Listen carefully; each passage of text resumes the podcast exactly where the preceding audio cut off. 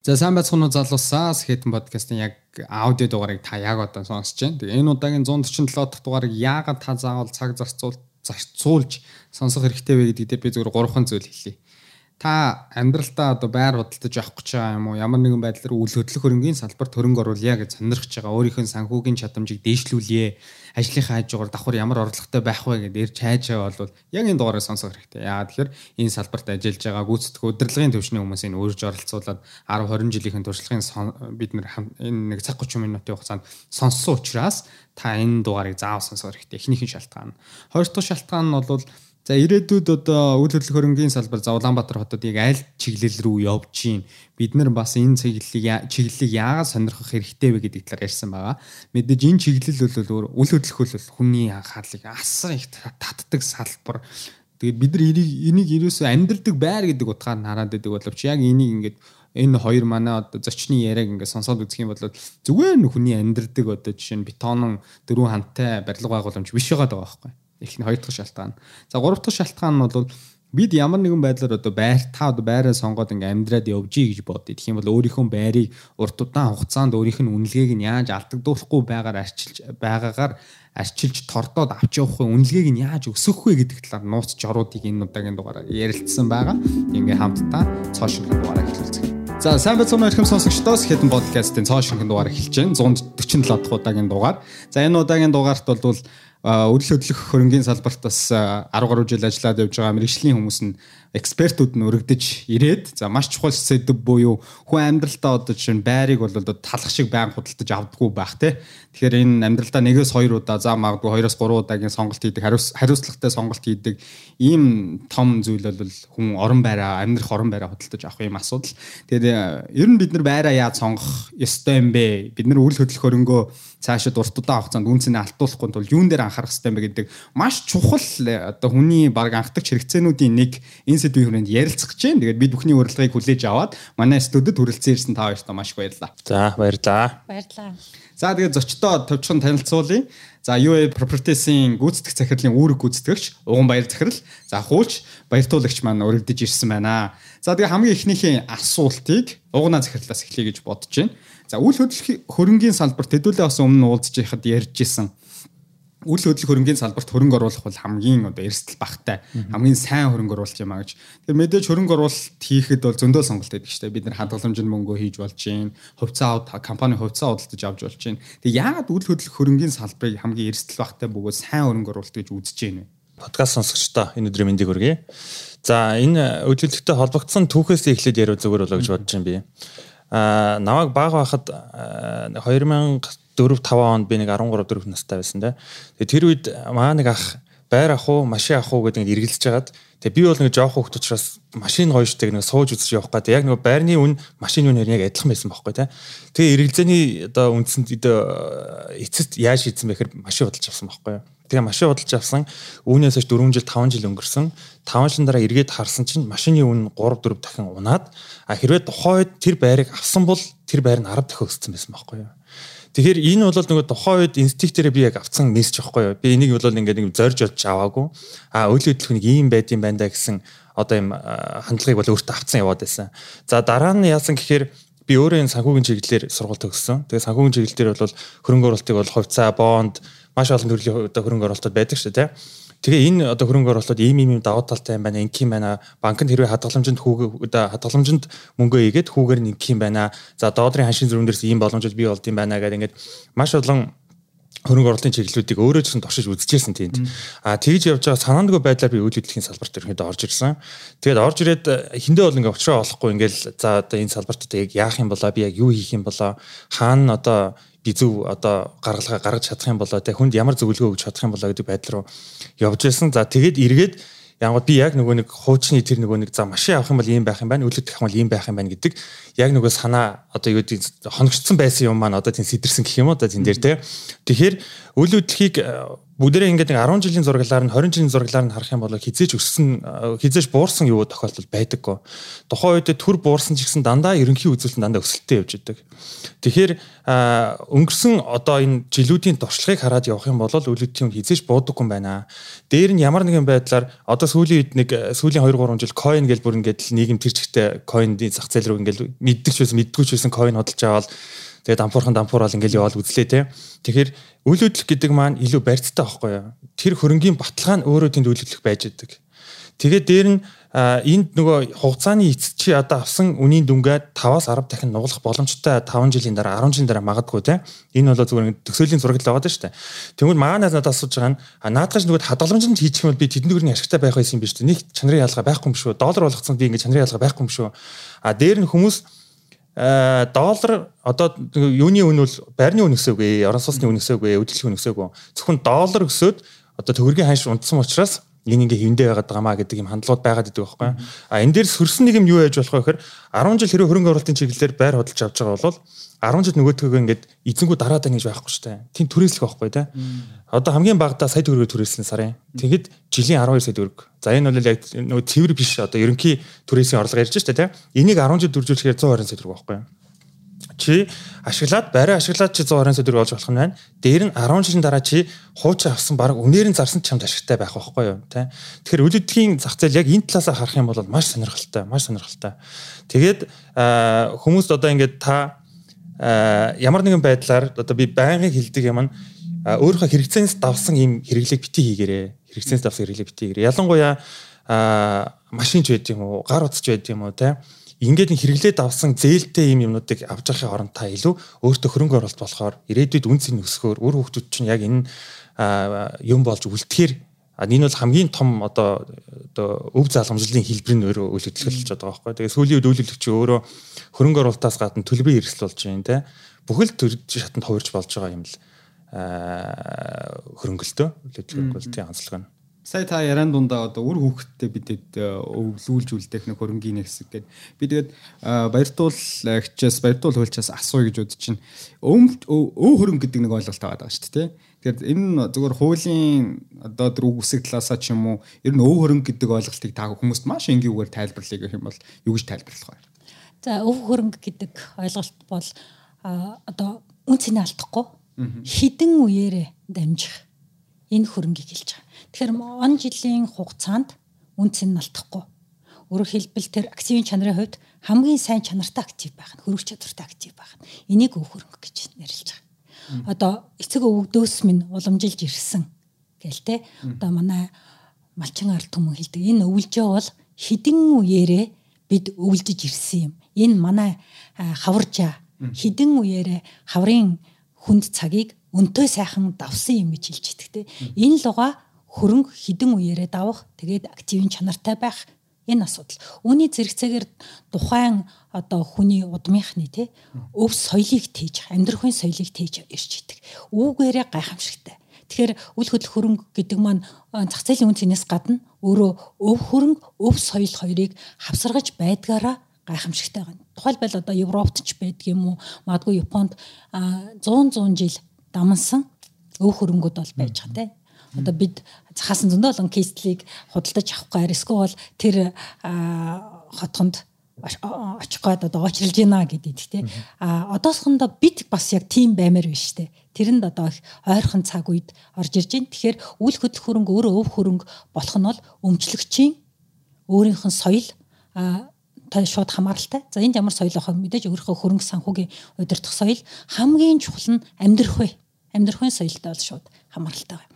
Тэгэхээр орон байшинд ч одоо ганцаараа амьдрна гэж байхгүй. Байхгүй тий. За яг би өөр ингээл айгу том мэдлэн газарт өөрөө тэндээ миний байшин байдаг бол би ингээд ганцаараа байгаад тах юм тий. Гэтэл би гав ганцаараа байгаад яг хөө тий хав ойронд ямар бүтэж үүс байхгүй тий. А тэгвэл би ингээд олуула бай гэж бод тий. Олуула байвал би соёлыг бүтээж чадах байхгүй. Баяртуулын соёл биш бидний соёлыг бүтээж чадах байхгүй тий. Тэгвэл бидний гэдэг тэр соёл нийлээд магадгүй надад байсан сөрөг зүйлийг эсвэл миний э, одоо амьдралдаа ахис гарах гэдэг тэр гайхалтай зүйлийг би өөрийнхөө хүрээлэн борчноос авч чадна гэж. Тэгэхээр тэр үл хөдлөх хөрөнгө хөрөнгө өөрөө өв хөрөнгө болоход өв соёлтой хавсарч ижиж тэр өөрөө өв хөрөнгө болж гин гэж ойлгох хэрэгтэй. Амьдрахын соёл гэдэг маш гоё хугтгун гарч эхэлж байна тий. Бид чи одоо бол зөв нэг байр гэдэг утгаараа амьдрын гэдэг утгаараа л аваад тэр чи одоо нэг за бетоноор цутгацсан ингээд дөрвөн ханны дунд гэдэг утгаараа аваад боловч яг ямар орчинд амьдрснараа ямар соёлыг бүтээснээрээ бидэд өөрийн үр хүүхдтэй бас тэрийг ингээд үлдээж ийнэ гэдэг бол гоё хугтгун байна. Тэгээ тэрийг бол мэдээж хоёлаа гуруулаа дэлгэрүүлж ярина одоо хотгоны амьдрах соёл одоо бид нар амьдарч байгаа хотгонд эрхэн соёлтой байх уу ер нь дүрм журм гэж байд юм уу гэдэг сэдвийн төгсгөлийн хэсэгт байгаа учраас илүү дэлгэрүүлээд тэр хэсгийг баяртуул хуульчаас асууна гэж бодож байна. Тэгэхээр нэгэн хөрөнгө оруулалттай холбоотой сэдвийг ярьсан юм чинь за одоо тэгвэл ингээд зүгээр жирийн нэг одоо ажил дээр гараад ч юм уу удаагүй залуу үл хөдлөлийн салбарт ингээд хөрөнгө оруулъя. За би ингээд бас энэ салбарт амжилттай яваад одоо долларын тэр бүмтэн болмоор нэгэ зорж иж болно шүү дээ. Тэгэхээр ингээд харахаар хөрөнгө оруулалт үл хөдлөх хөрөнгө хөрөнгө оруулах гэхээр гарааны мөнгө нь асар өндөр байх юм шиг сонсогдоод байдаг тийм мөнгөтэй хүмүүс л энэ салбарт хөрөнгө оруулах хэрэгтэй юм шиг сонсогдоод байдаг. Яг тэгэхээр би одоо чинь энгийн нэг компани хөвцөөг авъя гэх юм бол 1000 төгрөгөөр ч юм 1500 төгрөгөөр ч юм авчих шүү дээ тийм. Гэтэл үл хөдлөх хөрөнгөний хамгийн ихний эхлэх үн бол асар өндөр байдаг. А энэ тохиолдолд бид нар хэрхэн яаж гараагаа эхлэх ёстой юм. Одоо таны хувьд бас түрүүн өөрийн эхэлсэн түүхээ ярьж ирсэн. Тэгэхээр бид нар юунаас эхлэх ёстой юм? Бусдын мөнгийг нэг бол өдөртөхөд өдөртгаас эхлэх юм уу? Яг хөө зөвөр нэг үйл хөдлөх маань өөрөө нэлийн жин дарцсан одоо хөрөнгийн хувьд те одоо нөгөө мөнгөнд нүгийн хувьд жин дарцсан байдаг учраас тэр болгон хөссөн болгон одоо хувьцаа авч байгаа юм шиг одоо хувьцааны зах зээл дээрээс авч байгаа юм шиг бонд нь хөрөнгө оруулалт хийж байгаа юм шиг авч болохгүй л те чадахгүй л те.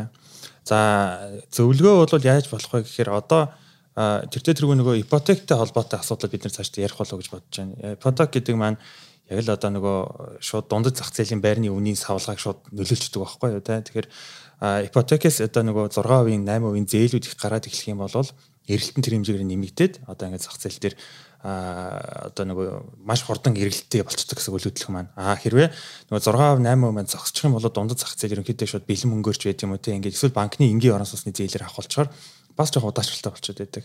Тэгэхээр энэ дээр барилгын одоо энэ төслүүд барилгын компаниуд ямар боломжуудыг үүсгэж болдог вэ гэхээр нөгөө компани хүүгүү лизингүүдийг бий болгож гаргаж ирдэг. Ер нь бол төлбөрийн уян хатан даваа талтай нөхцлүүдийг яагаад тэгэхээр тэртээ тэргүй банкнаас ямар нэгэн санхүүжилт байхгүй бол тухайн төсөл маань өөрөө явах хэрэгтэй болдог.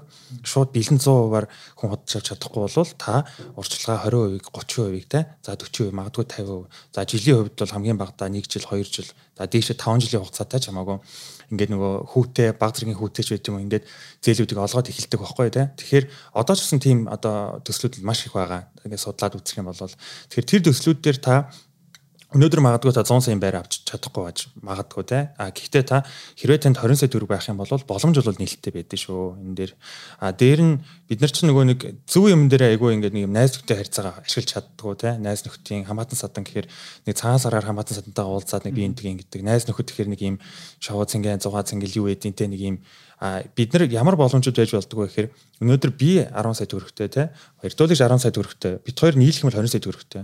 Яагаад ингэж нийлүүлээд юунд орон сууцсан хөрөнгө оруулалт хийж болдгоо юм бэ? Менеж хийгээд би бол нэг ганц нэг орон сууцыг бол тэгж авч үзсэн. Тий одоо ч гэсэн бас нэг авцсан юмуд байгаа. Найз нөхдөийнхөө мөнгийг цуглуулад тэднэрт одоо боломж нь юу байна? Тэрэнд нь тааруулаад би яг хямд үнэтэй дөнгөж эхэлж байгаа төсөл төр хөрөнгө оруулалт хийгээд магадгүй нэг жилийн дараа хоёр жилийн дараа ашиглалтанд орсны дараа хөрөнгийнх нь үнэлгээг нэг нэгээс хоёр дахин нуулцах жишээ нэгж байт юм аа. Тиймэрхүү боломж бодтой нөхцлүүд төр бол яг одоо хөрөнгө оруулалтын тэдний хөрөнгөний менежийг явдаг байхгүй та. Тэгэхээр 10 сая төгрөг гаргалаа гэж бодоход тухайн ханшаар хэдэн метр квадрат ногдож байна? Дараа нь зарсны дараа одоо хэдэн метр квадрат яг тухайн метр квадрат нь хэдэн төгрөг болж байгаа тэрүүгээр нь тооцоол ерөнхийдөө бас нөгөө одоо хуваа хүрчдэг гэх юм да. Тэгэхээр тиймэрхүү байдлаар ч гэсэн бид нар нөгөө холбоо харилцаагаа бас юм бизнесийн талбарч байдаг хөрөнгө оруулалтын чиглэлээр ашиглаж чаддгүй болоо гэж ерөнхийдөө би бас хардаг юм дэрэн дээр. Тий. Тэгэхээр хүн болгонд боломж байдгийг шүү. Сүүлийн арга бол бас гоё юм ба шүү дээ. Заавал өөрөө нөгөө байр авахд за урьдчилгаа одоо 100 сая одоо тэд цугларт хүлээнэ гэд мачигаад байхгүйгээр тий. Бас найз нөхдөөрөө нийлээд явж болох нэ. За түрүүн яг угна захирал нэг ийм асуултан дээр ингэж хариулсан. За байрны зах зээлийг зөв Монголын зах зээл дээр аваад үзэх юм бол ингээ за сүүлийн 10 20 жил бол байрны үн угаас унахгүй байгаа байна.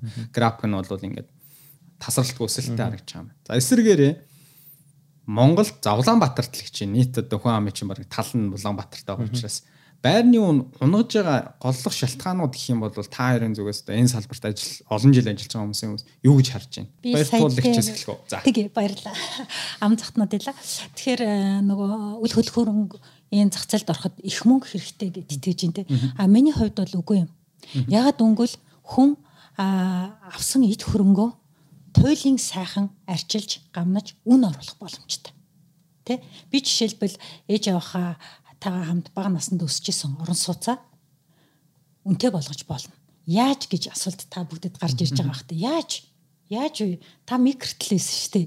Танай микро чи одоо баг хидийн 50 60-аад оны үеийн тий баг тийм байш. Яаж тэрийг үнд оруулах юм? Тэрний одоо бүтэц мүцэц бүх юм муу гэж хэнийг үнд бодогдож магадгүй те.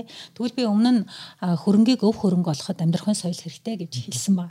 Тэгэхээр өнөөдөр миний амьдарч байгаа орон сууц үйж болно те. Эсвэл 50 түнээс ч олон жилийн өмнө таны эцгийн хүүхдийн амьдарч исэн орон сууц бол өөрөө өв хөрөнгө болох боломжтой. Энд дээр яаж вэ гэд тэгэхээр тухайн орон сууцыг яг баригдах үед нь ямар концепцтэй барьсан юм бэ? Тухайн орон сууцыг хэрхэн арчлан тордсон юм бэ? Тухайн орон сууцанд тухайн хотгонд тий хэн амьдарч хийсэн юм бэ? Хэн амьдарч хийсэн юм бэ? А тэд нийлээд ямар комьюнитиг байгуулж чадсан юм бэ? Тэдний дунд амьдрахын ямар дүрм байсан юм бэ? гэдэг гэдэг нь өөрөө тухайн үл хөдлөхөрөнгийг бол өв хөрөнгө болгож чадчих байгаа. Унаасаа зүгээр энгийнээр одоо хэлэх юм бол зөндөө олон ингээд бид нар ингээд Европын байшингуудыг хараад энэ яагаад энэ ингээмэр байна вэ гэл те. Аа энэ нөгөө цонхоо солихдоо хотынхаа захиргаанаас зөвшөөрөл авдаг гэсэн. Гэл дүндээ сонсч ирсэн те. Тийм үстэй. А тэгвэл манайд бол ерөөсөө харж яснаа л баяртуул нөгөө модон цонхыг шууд хуулж хаяал вакуум цонх болгоно те. Тэгэнгүүтээ за вакуум болгонгуудаа хуваалт маалт өөрчлөл ингээл гаднаас нь харахад бүр байхгүй болчихно те. А тэгэл подиасаар ингээл ороод эхлэнгүүт нэг гайхамшигтай тийм модон юм шар хаалганууд байдаг ч бүгдээр ингээл төмөр хаалган төр болцсон тий. Гэтэл миний зүрх сэтгэл дотор ингээл хуучны ингээл дурсамжууд ингээл яваад идэг ийм байсан. Гэтэл тэр бүх юм байхгүй болцсон байгаа тийм тий. Тэгэхээр тэр яг анх ямар байсан бэ гэдгээр нь байлгах юм бол орчин цагт хүн үл хөдлөх хөрөнгө болоод амьдралынхаа хөвшлийг сонгох боломжтой. Би жишээлбэл хуучин маягаар хуучин маягаар 40 мянгатынхаа байранд амьдрах дуртай хүн байж болно шүү дээ. Тэгвэл би тэндээ яг тэр соёл дотроо би орж амьдрахад өнөөдөр болохгүй байх те болохгүй байх. Ягаад гэвэл бүх юмыг ингээ өөрчилсөн хаалга нэг нь өөр болгоцсон балкон нь өөр болчихсон эсвэл цонх нь өөр болчихсон байгаад идэв биш вэ те. А тэгвэл бид нар ингэж яг тэр өөрийнхөө дурсамжинд эсвэл өөрийнхөө амьдрахын болон соёлын хэв маягаар хуучны хотгонуудыг ингэж үнтэй хэвээр нь зах зээлийн эргэлтэнд оруулахад хилээд байгаа юм тэр тухайн байрны оршин суугчдад тухайн хотгонд дагаж мөрдөгдөх хим хэмжээнүүд, ёс зүйн хим хэмжээнүүд мөн дүрм журмууд бол өөрөө чухал үүргийг гүйцэтгэж эхэлж байгаа. Яг уу одоо тухайлбал Улаанбаатар хотод бол хотын дүрм байхгүй гэж хүн хэлж иж магадгүй л дээ. А тэгвэл Токиод ч юм уу Скоп болвол одоо Ногояд тийм дүрмтэй гэж хүмүүс хэлж идэг те. Тэгвэл бид нар хотыг дүрм гарахыг хүлээх биш байрандаа бид дүрм гаргая. Тэ бид нар яаж амьдрах хэвтэй юм бэ гэдэг дүрмээ гаргая. А тэгээд эренгүүт нь аа тэгвэл энэ байшингийн чи анх хин гэдэг архитектор яг зурж исэн юм бэ? Тэ яг анх энэ хорооллыг барихтаа ямар концепцээр барьж исэн юм бэ? Тэгвэл тэрийг нэвтэхгүй бай гээл. А тэгэхээр энэ нөгөө нэг байдлаа он удаан жилээр хадгалж чаднаа л гэдэг чинь нөгөө хилээд байгаа өв хөрөнгө болоод өөрөө эдийн засгийн хүчтэй эргэлтэнд орж чадна гэсэн үг. Үнийг нэг унгахгүй гэдэг шүү дээ. Үнийг нь унгах. Одоо тухайлбал тий сая хэлж юм л да нөгөө моргежийн энэ зээлтэй хамааралтайгаар ингээд савлаад идэг гэт тий. Тэр чинь шинэ хотгоноо л барихтай байг. А бид тэгвэл хуучин орон сууцнууд ч одоо нөгөө 20 жил гэдэг шалгуур үзүүлэлтэнд таарахгүй болохоор тийшээ одоо моргеж өгөх нь хязгаарлагдмал болоод. А тэгвэл хамаагүй тэр хотгонд тэр хөвчлэр соёлоор амьдрах дуртай хүн ирээд амьдардаг байж болно. Тэнд бүх юм одоо юу гэдгийг одоо манай микрээр хэлээ 12 дугаар харуулаар тэ сансраар хэлэхэд тэнд яг анх баригдахдаа ямар байсан яг тэргээрээ байдаг бол хүн тэндээ байх дуртай болно тэ Тэгэхээр тэр хэв маягаар амьдрах дуртай хүмүүс гэсэн үг шүү дээ. А тэгвэл шин шин одоо кейслүүдэд шин хотгонуудад амьдрах дуртай хүн бол яг хөө тэр хэсэгтэйгээ байж тий. Одоо тухайлбал зүгээр ойрхоноор ингээл хэлээ л да би ингээл өссөн газар хаяа очиж байгаа юм л да. Тэнгүүд аа энд нэг тийм булгуур байдаг гэсэн. Аа энд нэг юм модон ингээд хараадаг юм тоглоом байдаг гэсэн гэж савлаад хөдлөд бүгд байхгүй. Бүгд байхгүй те. Тэгсэн хэрнээ тэр бүх юм миний ой ухаанд бол үнцэнтэй хэвээрээ үлдсэн байж жишээний байгаа байхгүй. Тэгэхээр энэ нөгөө нэг амьдрахын соёл а тэгээд тухайн орон зайн төлөвлөлт концепцийг авч үлднэ л гэдэг чинь улс орны хэмжээнд юг үл хөл хөрөнгийн тийм үл хөл хөрөнгийн зах зээлийг өөрөө авч байгаа байхгүй. Тэрсээ тэргүй дид бүтц бол өөрөө хязгаарлагдмал.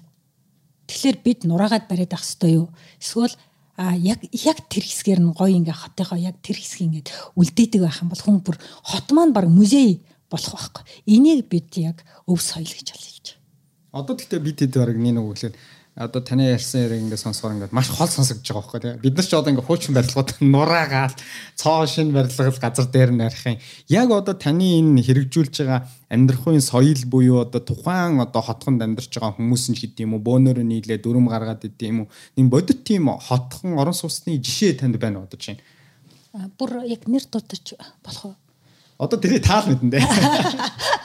А за тэгээ. Тэгэхээр яг бид зөндөө алдаж те. Бид зөндөө алдаж маш их алдчихад тэгэнгүүт надад ингээ хол сонсогдоод байгаа байхгүй. Яг үнэхээр тэг чадаад байна уу? хажууд байна чадчихэ. Айгүй их хол зөндөө их алдаа гаргаж тий. Өө дүүрсэн хэрэг гэдэг одоо тэр алдаахаа цаашаа өргөжлүүлж бол хэрэггүй шүү дээ. Тэ яг хуучны барилгууд бол насжилт тордлогоо тэр хуучин нийтийн ах үйлчилгээний э, тогтолцоотой хамааралтай бас тэр дид бүтцэн их муу байсанс яалтангаа буулгах шаардлагатай дүгнэлтүүд гараад тэрийг буулгаж байгаа хэ тэр бол инженерингийн асуудал. За тэгвэл бид нар яг ийм өв соёлыг бүтээе те. Бид нар яг одоо ерөөсөө олон нийтийн төвшөнд дэлхийн төвшөнд энэ үл хөл хөрөнгийг авч үлдъя гэлтэх юм бол одоо юу биш те. Аа манай занадо байгаа юм. Тэнд болохоор яах вэ гэд тэгэхээр одоо хүн бол шууд метр квадратыг ингээ худалдаж аваад идэх те. Тэгэхээр ингээд бод та ингээ боддоо нүд таньж ягаад аа нэг тэдэн өрөө байр гэд наа нэг тийм гэл нэг бодогдож байна уу а тэгвэл хүн хизээч тийм тэгж авах боломжгүй апартмент ч бай хотхон ч бай хавс хотхон ч бай надад заавал хурш хэрэгтэй Тэ? Тэгэхээр та хоёр юу гэж бодож хөршөө чи яаж сонгодог? Хөршөө чи сонгодгүй гэсэн штэ. Хөршөө сонгох боломжгүй юм шиг. Боломжгүй. Хөршөө сонгож болно. Гинтийн тохиолдолд таардаг штэ. Тэ. А үгүй. Тэ. Тийм тийм юм. Хүн хөршөө сонгож болно. Яаж? Яг адилхан үнэт зүйлтэй, адилхан зоригтой, тий? Адилхан ирмэлцлэлтэй тийм хөшийг сонгож болно. Сонирн байна уу? Тийм байна уу? Тэгэхээр та байшингаа авахта 1 м квадратын үн энэ бол зүгээр хамгийн энгийн юм. Хамгийн хамгийн энгийн юм. А тэгэнгүүт үүнийхээ зэрэгцээгээр тэр таны авж байгаа тэр байшингийн чинь таны гэрээ худалд худалд авах гэрээ гэдэг нэг юм хийж эсвэл цайлан барилах гэрээ гэдэг нэг юм хийж штэ. Тэгж юм те. А тэгэнгүүт нь тэр миний яриад байгаа а одоо хэдийн одоо тэр занадууд хөвшчээд шүү дээ. Хотхон юм уу тий? Тий хотхон юм. Апартмент ч гэсэн тэгж болж болно. А тэгэнгүүт яасан бах нү гэрээнийх нь авсралт нь манай энэ орон сууцнд тий. Эсвэл манай хавс хотгонд ийм дүрм журмны орчинд та амьдрах юм а гэдгийг бүр анх үл хөдлөхөрөн авахт нь тэрийг нь танилцуулах нь шүү дээ. Ааха за ийм дүрм журмтай гэдэг юм биш. За тэгвэл таны хөрөнгийг бид ингэж арчлан тордох юм аа гэл тээ. Манайхаар бол сөөх үстэй. Тий одоо энгийнээр бол яг хуучин нийтлэг ойлголтоор тий нийтлэг нийтлэг ойлголтоор бол тий бүх орон сууцны э, фонд бол засгийн газрын мэдлэлтэй илээ тийм ээ. Тэгээд үүнийг хувьчсны дараа тэр нийтийн ах үйлчилгээний үзүүлдэг байсан тэр үйлчилгээг яаж үзүүлэх вэ гэдэг шийдэл нь бол одоо баг 30 орчим жил 30-аад жилийн өмнөхөр сөөх байлаа л да. А одоо бол яг энэ орон сууцны фонд гэдэг юмд энэ сөөх жоохон таарахгүй байна гэдгийг бол мэдээд байна те. Тэнгүүд хөрөнгөний удирдлагын компанитай. За ингээд ингээд ингээ компанийн төрөнтэй гэж байна те. За тэнгүүд нэг ийм сөргөө бодол гардаг. Өө их шиг зүгээр тэднэр зөндөө олон мөнгө төлөөд одоо бараг байшингаас илүү мөнгө болчих юм биш үү гэл те. Тэнгүүд нь яг айл болгон дээр нь бас яг тэр хөрөнгөний үнэлгээний Эхлэнбат бүртгэл хөтлөгдөн. За өнөөдөр би энэ байшинг тэр бөмөр хөдөлтөж явлаа. За яг би бяцхан анх гэрэлж байгаа залуу гэр бүлийн хувьд те 48 м квадрат байшин би 100 саяар худалдаж авлаа. Өнөөдрийн үнэ 100 сая те.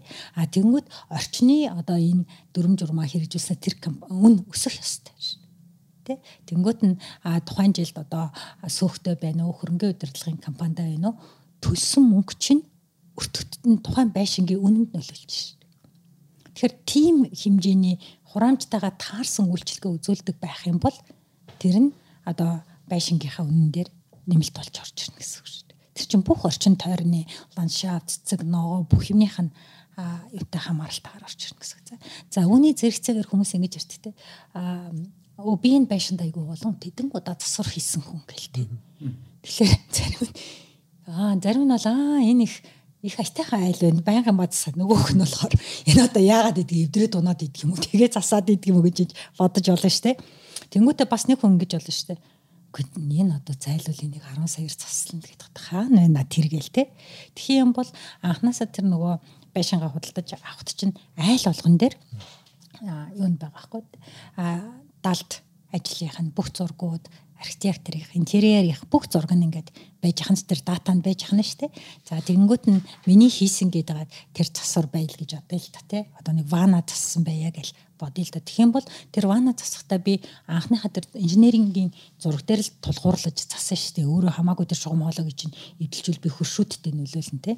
За тэгэхээр тэр зургийнхын даваа засаад вана сольсон байж болно тий. Тэгэх юм бол тэр ван нага сольсон бүртгэн мөн л тэр дата дээр нь давхар явагдаж байна. А сольсон шалтгаан нь бол шугам холоо юм уу янз бүрийн эвдэрлээс биш өөрийн сонирхлоор сольсон байж болно те ийм маяг. За тэгэл түрүүнд хэлжсэн чинь би ингээд нэг байшингийнхаа нэг өөрийнхөө подиас өөрийнхөө хаалгыг нэг улаан өнгөр бодмаар санагдал. Гэтэл манай хөршүүд айгүй гоё ийм тусан бор өнгийн хаалгатай чи би улаан өнгөнд дуртай. Улаанаар солиол тий. Тэгвэл яасан байх нь бид нар бас их академик мөн оюуны бүтээлд хүндэтгэлтэй ханддаг ингэж ажид өрөх хэрэгтэй тий. Тэнгөт та хаалга солихдоо угнаас энэ хаалга бол яасан байх нь яг л энэ зургийн дагуу энэ нийтлэг хийцэн дагуу ингэж гарсан юм аа. Тэгэхээр та хаалгаа солихдоо яг материалын үржилт бол хийж иж болно. Гэхдээ хийц бол яг ийм уран хийцтэй байх хэвээр өнгө бол яг ийм байх хэвээр гэдэг асуудлыг нь л тавина гэсэн. Тэгэхээр буцаагаад яасан байх нь би чинь нэг үл хөдлөх хөрөнгийг дээр нэмээд би оюуны өмч худалдаж авч байгаа. Тэ? Оюуны өмч худалдаж авч байна. Тэнгүүд одоо 100 дамжигдсан Монгол архитекторуудын хідүүлээ үүсгий л та. Тэг хүүрхийн минь оюунаа шавхаад зөндөө хингээл төсөв төлөвлөгөө гаргаал гаргацсан байсан чил хэдхэн жилийн дараа нөгөө архитектор маань байшингаа танихаа болчдөг ийм соёлоос л татгалзаж байна гэсэн үг байхгүй. Энэ нь тэгээд буцаагаад нэг айлын асуудал хэсэг хөршүүдийн асуудал мэт боловч бүхэлдээ эн чинь манай Монголын соёлд бол өөрчлөлт гаргаж байна те. Магадгүй Монголд ирж хүн байр худалдаж авъя. Хүү те. Тэднийд чинь одоо юу гэдгийг энэ тэрний нүүдэлчин ард түмэн чинь суушид амьдрснараа хачин содон хуучны тий магадгүй одоо зөвлөлтийн маягийн архитектортай боловч а яг Монголд энэ нутгсан ийм чамин орон сууцнууд би тэндээс авъя ингээл бүр бид нар ингэж гоё хөгжүүлэлт хийх яг бүрэн боломжтой. Тэгээд зөвөр товчт нь хэлэхэд бол энэ бүх юм бол нөгөө гэрээ тэгээд тэр архитекторын шийдлүүдийг үл хөндөх аа тэгээд орон байшингаа цасан сайжруулах явцдаа оюуны бүтээлд гүн хүндэтгэлтэй хандна. Ингэж гүн хүндэтгэлтэй хандсан өөрийнх нь эрхийг хязгаарлаж байгаа юм биш. Улам л тэр удах тусмаа тэр нөгөө зүйлийг одоо хуучин машинууд шүү дээ үйлдвэрлэгдэхээ болц. Тэд нар ягаад үнтэй яг тэрэн шиг байна гэсэн. Аа тэгээд дээр нь нэмээд нөгөө амьдрахын соёлыг бас би давхар худалдаж явж байгаа юм тий.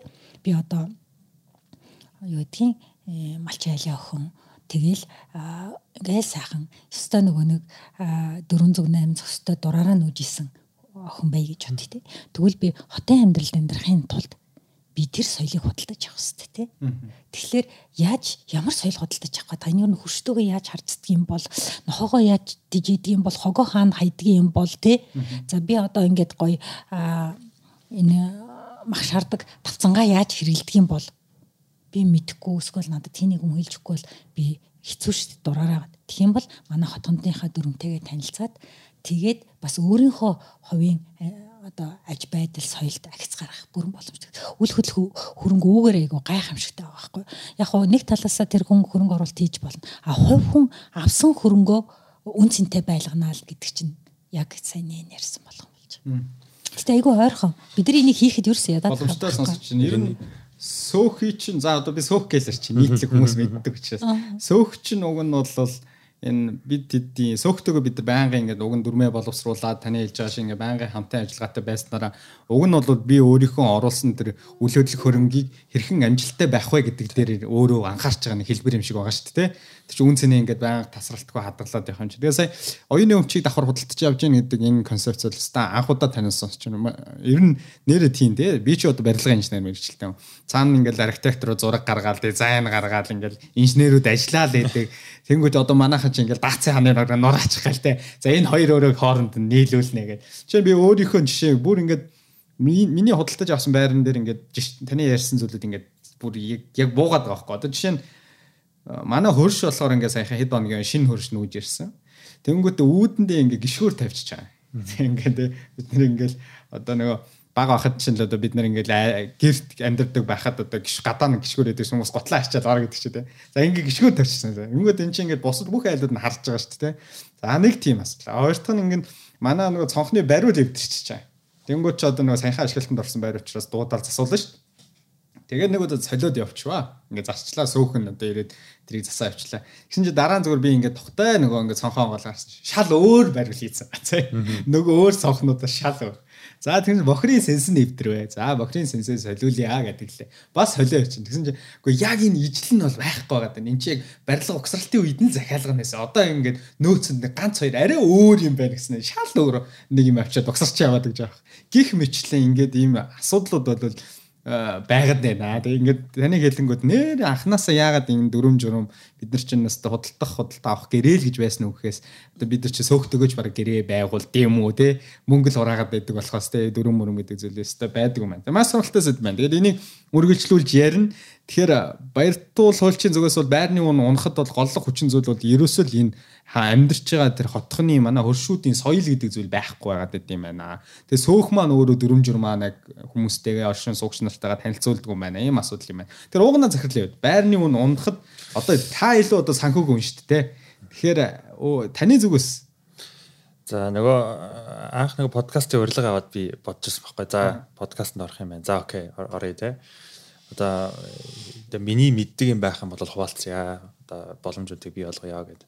Тэгээд нөгөө сэдвийн сонсоод хөрөнгийн менежментийг сонсон гоо би бас жоохон айсан байхгүй юу. Яасан гэхээр хөрөнгийн менежмент хийгээ явж байгаа одоо маш олон компаниуд бий болцсон. Хөрөнгийн менежмент бол яг тухайн хөрөнгийн одоо ирээдүйн үн цэнийг энэ хөрөнгийн менежмент чинь нэмжээд юм байх шүү. Нэмжээд юм байх шүү. Хөрөнгийн менежментийн зөв удирдлага байх юм бол хөрөнгийн үн цэн шууд одоо үн цэн одоо нөгөө ирээдүйн үн цэн нөлөөтэй байд юм байх шүү гэдгийг одоо нөгөө мэдрээд байна л да одоо зах зээл өөрөө мэдрээд байна тий.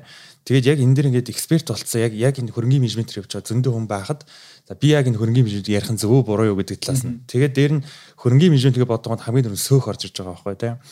Тэгэхээр нөгөө баяртуул их чөлтөртэй айгу нэг сөөх гэж ярих дургу байгаа нь ингээд харагдаад байгаа байхгүй. Тэгээд тэрэнд бол би айгу зөв гэж бодоод байгаа. Яа тэгэхээр сөөх гэхээр бидний нэг сууц ойлголт байдаг байхгүй. Сөөх гэхээр юу гэж боддог вэ гэхээр нэг юм нэг юм шал угаах дээр л юм уу? Нэг юм орц цэвэрлэгтэр нэг нэг юм цонхны юу бариу солих дээр байнгын хэрүүлтэй нэг ийм орчин л байгаад байгаа байхгүй тий Тэгэхээр намайг баг байхад ч гэсэн сөөхтөр дандаа л маргаантай айлуудын төлбөрөө төлөхгүй байх таних ажлаа хийхгүй байх гэсэн маргаантай.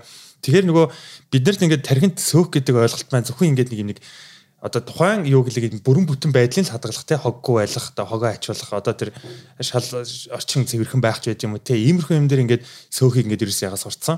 Дээр нь хандлага юу байдаг вэ гэхээр би эднэрт мөнгө төлж ажиллаж байгаа гэсэн хандлага байдаг байхгүй юу. Би сөөхий ажилчид одоо мөнгө төлж байгаа учраас эднэр ингээд намайг ингээд одоо явж шатаар бооход ингээд нэг ширхэж хох байх эсэхүү гэдэг юм хандлагч байт юм уу те. Тэгэхээр энэ бол одоо яг нөгөө цаг үеийг авцалтахгүй болчиход байна л да те. Сөөх гэдэг ойлголтыг илүү хөрөнгөний менежмент, хөрөнгөний удирдлага гэд хэлчих юм бол бас ингээд ирээдүйн нь тэнд бий болчих юм болоо. Жишээ нь манай байранд орж ирээд сөөхий үйл ажиллагаа тэгсэн ла ла ла ла ла гэд баах юм ярьж байгаа оронд За хөрөнгөний удирдлагын хүрээнд ийм ажил хийсэн шүү гэх юм бол энэ ингээд нөгөө нэг ийм хүнд хөргөж байгаа мессеж нь агсан төвшөнд болчихж байгаа байхгүй агсан төвшин. За арай нэг өөр хүлээж аваа шүү дээ тэр чинь тэ нэг сөөх гэдэг юуг бол одоо ингээд ашигламар байна гэдэг те. Тэгээд э, одоо нөгөө худалдаа авагчид маш их сонголттой болсон байхгүй юу? Маш их сонголттой болсон.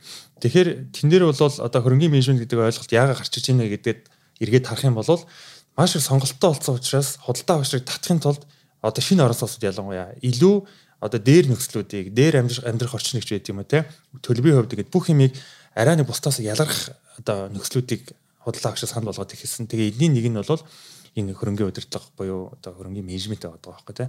Тэгэхээр менежменттэй хэд хэдэн газрыг би одоо дурдж чинь л бас нэг баяртуулагч хилдгээр нэр хийж болох юм уу гэдэг шиг тий. Менежмент нь үнэхээр сайн явж байгаа. Тэнд хүмүүс яг зөвхөн үйл хөдлөх биш орчин худалдаж авдаг илүү их тий орчин худалдаж авдаг. Тэгэхээр эргээд бүгдээрээ ингэж харах юм бол а үйл хөдлөлийн хүнд юу нөлөөлөд байна вэ гэхээр хамгийн нэгд номерын юм бол орчин буюу локейшн нөлөөлж байгаа байхгүй юу.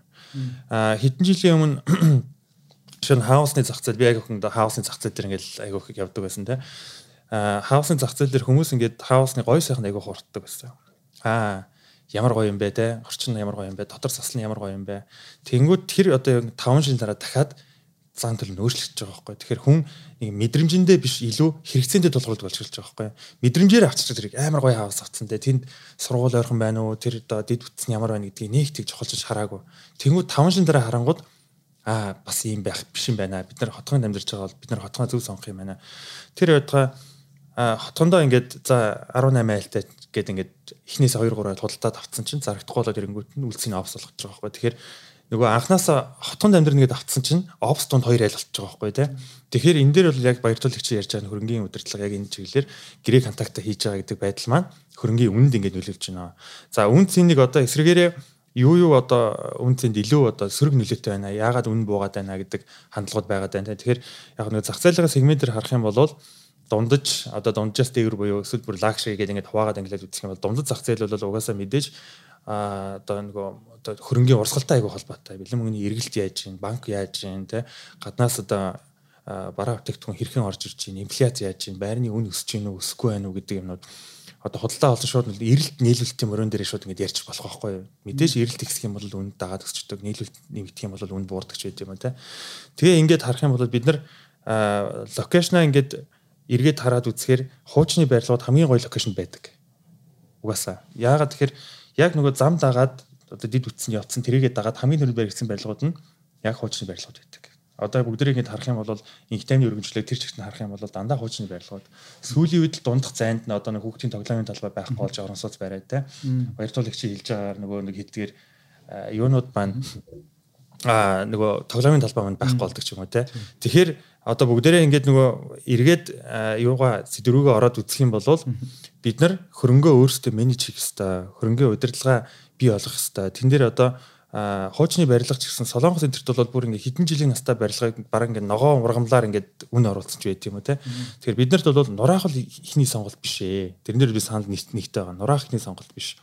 А илүү тэрийг одоо яаж креатив бий байдлыг бий болгох вэ? Яаж тэр одоо оршин суугчдын одоо амьдрах таатай орчин дахиж одоо бий болгож чадах вэ? Байнгын одоо арчилгаа тордлогоо хэрхэн бий болгох вэ? Энэ бол одоо шууд үн цэнтэй холбогдоо явцдаг одоо хөрөнгөний юм дээр бол удирдлага дээр бол үнс энд шууд нөлөөлдөг гэдэг ойлголттой юм хэлэх гээд байна л та. Тий. Тэр одоо тухайн худалдан авахч маань ер нь өөрөө бас хариуцлагатай байх хэрэгтэй байх нь шүү дээ. Өөрөө шаарддаг. Тэгээ би таар ингээл ярингууд би бүр амар олон юм дэр ингээд гомдлмоор ингээд захтнаад байгаа байхгүй. Жишээ нь зарим хотгонууд ч одоо чинь би одоо чинь нэг давхартаа манай байр тим шилтэй. Гэхдээ ер нь жишээ нь бодоход би одоо нэг давхартаа супермаркеттэй баймирэг байгаа байхгүй тий жишээ. Дөнгөж одоо ихэнх ингээд байруудын дооронд яа э, доор хаяш нэг эмисан тий. Нөгөө супермаркет тий. Ингээ байгаад эхлэхээр анханасаа тэр чин орон сууцны зориулалтаар ингээд зөвшөөрлөө аваад ингээд байдаг. Тэгтэл доор 1 2 давхарт нь чи хэлж байгаа өстой зарим нь офс орол цэцэрлэгч байх шиг тий. Бужигнаад байдаг. Тэнгүүд оршин суугчдын тав дахьтай байдал гэж нөгөө юм нөлөөлөд эхэлчихэж байгаа байхгүй тий. Тэгээ би ингээл амар захтнаал ягаад лээ. Тэгээд сая уугнаа захирал яран дундаа нэг юм хэллээ. Ер нь бид нар мэдрэмж ер нь мэдрэмжээ дагаж ч юм уу заримдаа ингээд өөрийн хэрэглээнээсээ давуулан худалдаа авалт их тохиолдлууд байдаг. Би ч одоо өөр дээрээ жишээ авахад би ингээ 3 жилийн өмнө айл байраа багтуулсан санагдаж байгаа байхгүй. Тэгээ тухайн үед л за санхүүгийн хувьд ч жоохон хязгаарлагдлаас за энэ хангалттай да гэж авцсан. Гэтэл одоо ингээ бодохоор за одоо нэг тухай зориглоод ингээд нэг арай нэг 3 4 өрөөрөө зүтгэж байж тээ энэ гэж бодож байгаа байхгүй. Тэгэхээр одоо баяртуулагчаас бид нар ер нь одоо дөнгөж байр авах гэж залуучууд байна тий.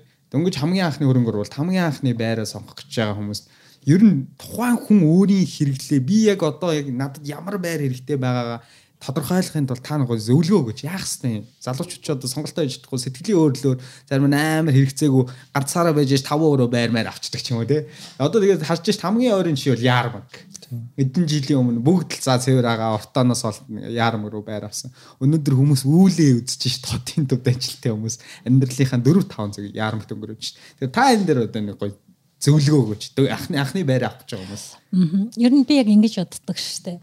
Аа би одоо баг дээд сургуулаад төгсөд 30 жил болж байгаа. Тэ тэгэхээр яг орон сууц худалдаж авах бол яг л хүн одоо бизнесийн хамтрагчаа тэ ханиа сонгож байгаадаа яг адилхан маш хариуцлагатай зүйл гэсэн үг. За тэгэхээр хамгийн анхны байраа сонгож авах гэж байгаа хүн хамгийн түрүүнд юу бодох ёстой вэ гэхээр хүн болгон мэдээж миний дараагийн байр гэл амьдралын айгу урт хугацааны төлөлгөө тэр хүнд байж байгаа шүү дээ. Тэгэхээр тэр хүн энэ байрыг би дараагийн амьдралынхаа дараагийн одоо чанарын агц гаргаад зарахад үн унахгүй байх ёстой л гэж бодох ёстой. Хамгийн түрүүнд бодох юм хэмжээ энэ төр бол хамаагүй хамгийн түрүүнд бодох юм. Тэгэнгүүт яаж гэдэг асуулт өөрт нь орж ирнэ те. Тэгвэл яг ялгааг бол нөгөө хөрөнгөний удирдлага гэдэг чинь юм чи орж ирж байгаа. Орж ирж байгаа. Тухайлбал бид та хэд нэг сонин одоо өөртөө тохиолдсон түүхээ яриа л да. Би ягаад энэ нөгөө үл хөдлөх хөрөнгийн энэ сектор руу ингээд алгуур байдлаар шилжиж ажилласан бэ гэдэг нь болохоор а манай хотод ч гэсэн тохиолдсон шүү дээ. Нөгөө орон сууцнуудын үн ингээд унаад итэг ундаг шүү дээ. Яагаад гэвэл одоо хөшүүд нь ингээд хүчтэйгээр нүүж эхэлдэг тий. Одоо манай ингээд хурших хаятайхан байсан бид нар ингээд орцоорыг сайхан найрсаг байсангүй нэг мэдсэн чинь л нүгэд ингээд явчих гээл те. Тэгэл энэ шалтгаан юу юм бэ гэж дөнгө саяхан та ярьсан те. Нэгдүгээр давхард ингээд нэг мэдсэн чинь эмээсээ ороод ирчдэг. Нэг мэдсэн чинь өдөр өнжүүлэх бүлэг хөрш маань өдөр өнжүүлэх бүлэгт түрээсэлсэн ч байдаг юм уу гэл те. Гэтэл тэр орон сууцчин анхныхын зориулт нь бол амьдрах байж те. За тухайн хотгоныг барьж байгуулж байгаа барилгын компани бас нэг өөр концепцтэй байсан баг те. Тэгжээч л Гэхдээ нөхөрөнгөө нөгөө яаж захиран зарцуулах нь хүний эрхлэл юм ч одоо тэгэл түрээслэл юм юм болч тэ одоо тэр хүний эрхэнд чи яаж халтах юм бэ гээл тэ мэдгүй нэгдүгээр давхрын айл дэлгэр болгочих чам чи тэгээд яах юм бэ чи яах юм гэлээд үгүй бид хамтдаа амьдарч байгаа хамтдаа амьдарч байгаа. Анх яг орон сууц үзэлдэж байхдаа амьдралын амьдрах гэдэг зорилгоор үгүй эний чи яаж баталгаажуулах. Тэгэхээр нэгдүгээрт шинээр баригдаж байгаа байх юм бол тэрийг яг амьдрахаар а хэдийн баригдсан байх юм бол нөгөө оршин суугч нарын чинь дөрмөн дээр зөвхөн л амьдрнаа амьдрах зорилтоор хэрэглэнэ гэдгийг бол гаргана гэсэн үг. За тэгээд ингээл нүүгээд энэ одоо бид нар ингээд аюу гой барилга бариад ахын тэгэл төд утлахгүй одоо баг манай компани нэр төрөмдөж баг сөрөг болох хуйцаар юм бүр болоод энд зовоод байна яах вэ гэл те. Тэнгүүд зөндөө бол ингээд муу тохиолдлуудын судалгаануудыг хийж байгаа. Тэгээд дараа нь яг аа танд учраад байгаа эрсдэл те яа таны зовноод байгаа энэ зүйлийг гаргахын тулд бид нэр хууль зүйн гэрээнийхээ хувьд л оновчтой болох нэ гэдэг маягаар ажимдаа бол яг ишиг шилцсэн. Тэгэд би одоос 10 гаруй жилийн өмнө зүүн өмнөд хятадын тэгэд яг энэ үл хөдлөх хөрөнгийн секторын нэлээд алдартай хүнтэй ажил хэргийн шугамар танил болохгүй. Тэгээд тэр хүн надад яг юу гэж хэлж ирсэн бэ гэд тэгэхээр энэ байр зарна гэдэг чинь зүгээр одоо мантуу ч юм эсвэл өлөөний э, шар буурцны сүү зарж байгаатай адилхан юм бол биш шүү. Тэр хүний амьдралыг нь бүхэл насан туршид нь ад жаргалтай байлгах гэж байгаа шүү. Гэлтэйч. Яаж байлгах юм бэ? Тэр яаж гэлтэй тэгж яах вэ? Тэнгүүт нь яг өнөөдөр тэр хүний санхүүгийн байдал яг ямар байна? Ирээдүйд ямар болох юм? Өнөөдөр тэр хүн хэдэн настай байна? ам бүлийнх нь бүтцэнд хэд вэ? Тэ? А тэр хүний хитийн зорилго нь яг юу байна гэдэг дээр бүхэл бүтэн амьдралын судалгаа хийх хэрэгтэй. Тэгжээж тэгжээж амьдралынх нь ахиц дэвшилт дэмжлэг үзүүлэх үйс үл хөдлөх хөрөнгүүдийг дистаралтайгаар санал болгох маягаар үүдийн ад жаргалтай байх юм а гэж хэлж ийсэн. Тэгээд тэр хүн хэмжээс аахгүй нэг юм тариачин айл яг тэр хотод анх бол орж ирээд тэг хичнээлэг тариачин гин л дээ. Тэгээд ерөөсөө би энэ ерөөсөө энэ юу яа. Далайн эргийн өндөрлөг газар дээр их энэ байшин хөдөлтөж байгаа.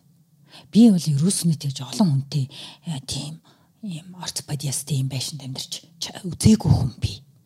Им задгаа гарт тий ингээл байдаг. Тэгэл тэгж аа за за болно болно болгүй яах вэ тий. Тэгээ таны хөдөлмөрч байдалд маш их талархаж байна. Та ампул хідүүлээвэ гэж хэлсэн байна л да.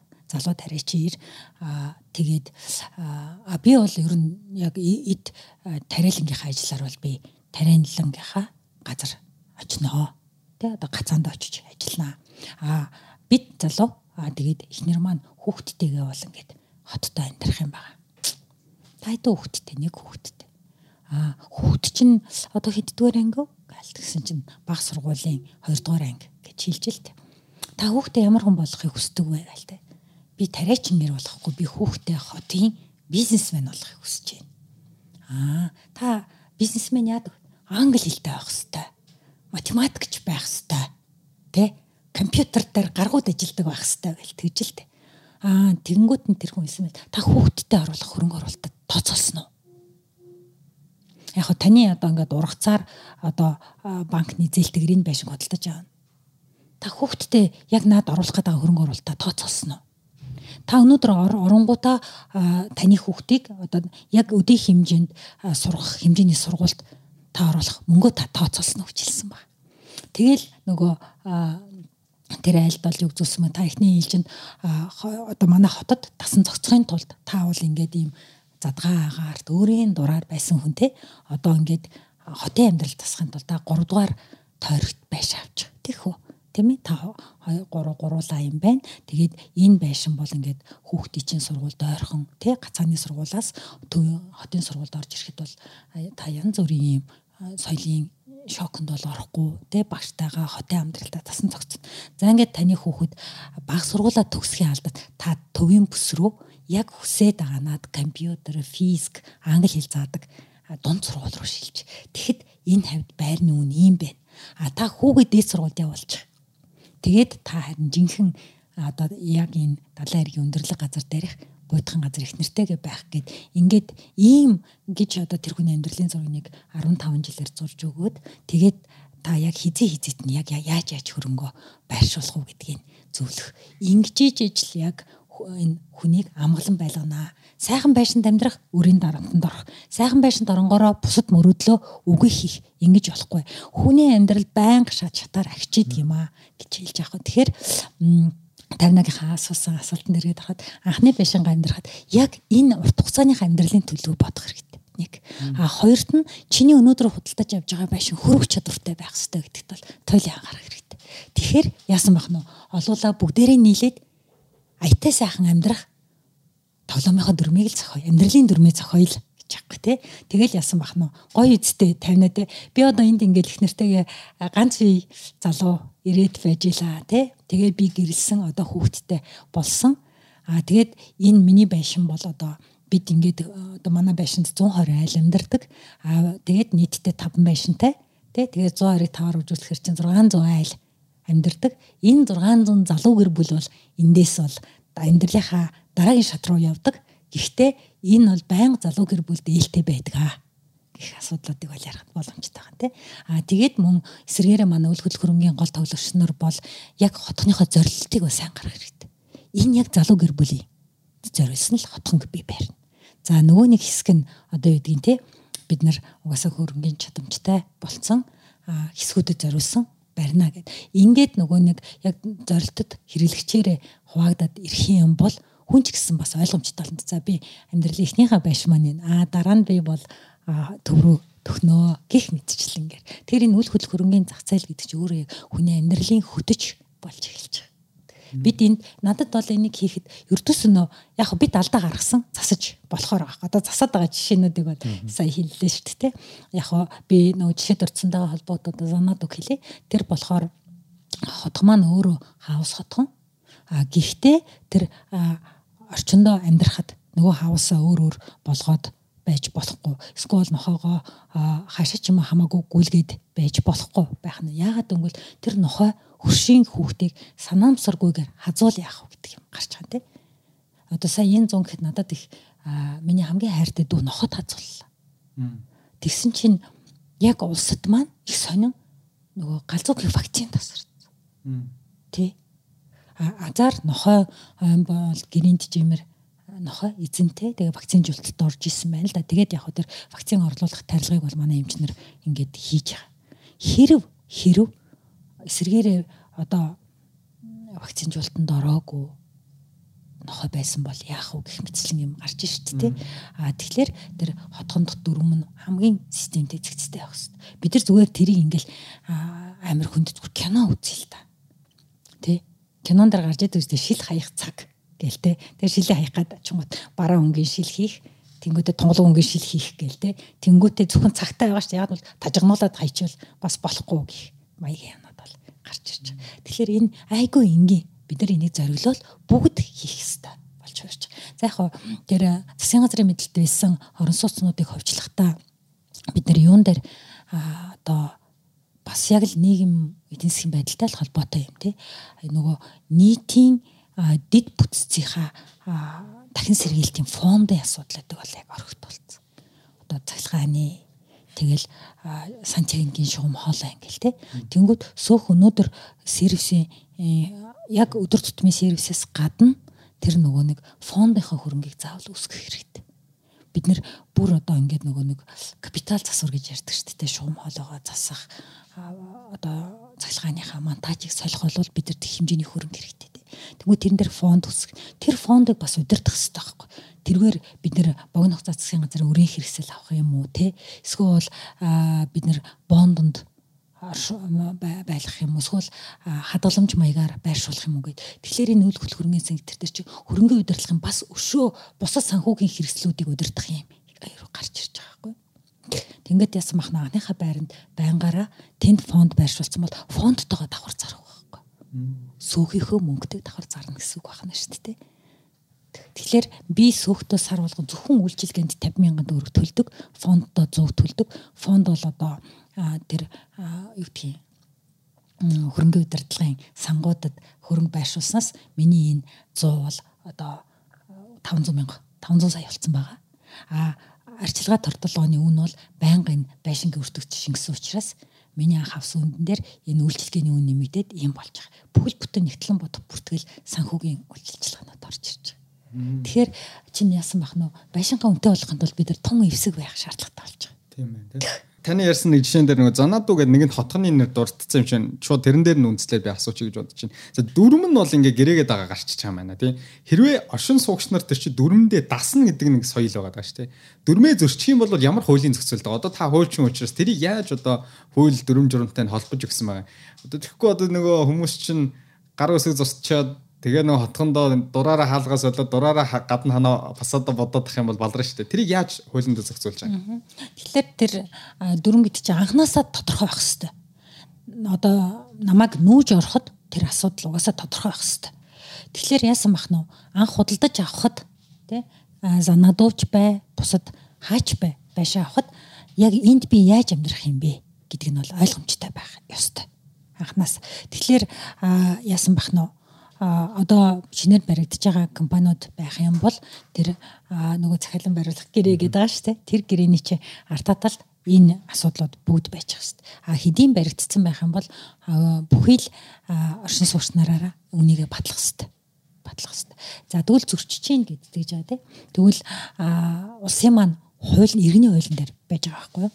Хүн өмч хөрөнгөө арчилж тортох үүрэгтэй арчил тортохгүй байх юм бол хүнлэнгийн этгээд тэрийг шүүхт хандаж болно гэж. А тэгвэл шүүхээс наан шийдвэрлэх боломжтой зөндөө харгууд байж байгаа тийм. За би дүрм журмаа зөрчих юм бол хамгийн энгийндээ би учруулсан гим хорыг арилгах хэрэгтэй. Гим хорыг арил. Бүр хохирлоос илүү болох нь гим хорыг арилгах хэрэгтэй тийм. За тэгвэл энэ одоо үгүй сөөхтөг муудад нүүсийн гинлээгүүл тэр сөөхөд айгүй амар санагдчих тийм. Оршин суугч үйлчлэгээ үзүүлэгчээ харилцагчаа нүүтэл нь одоо байсан сөөх болж хувирах гэдэг шүү дээ. За нэг тийм Эсвэл би нэг хөрштөөгөө мутчихал.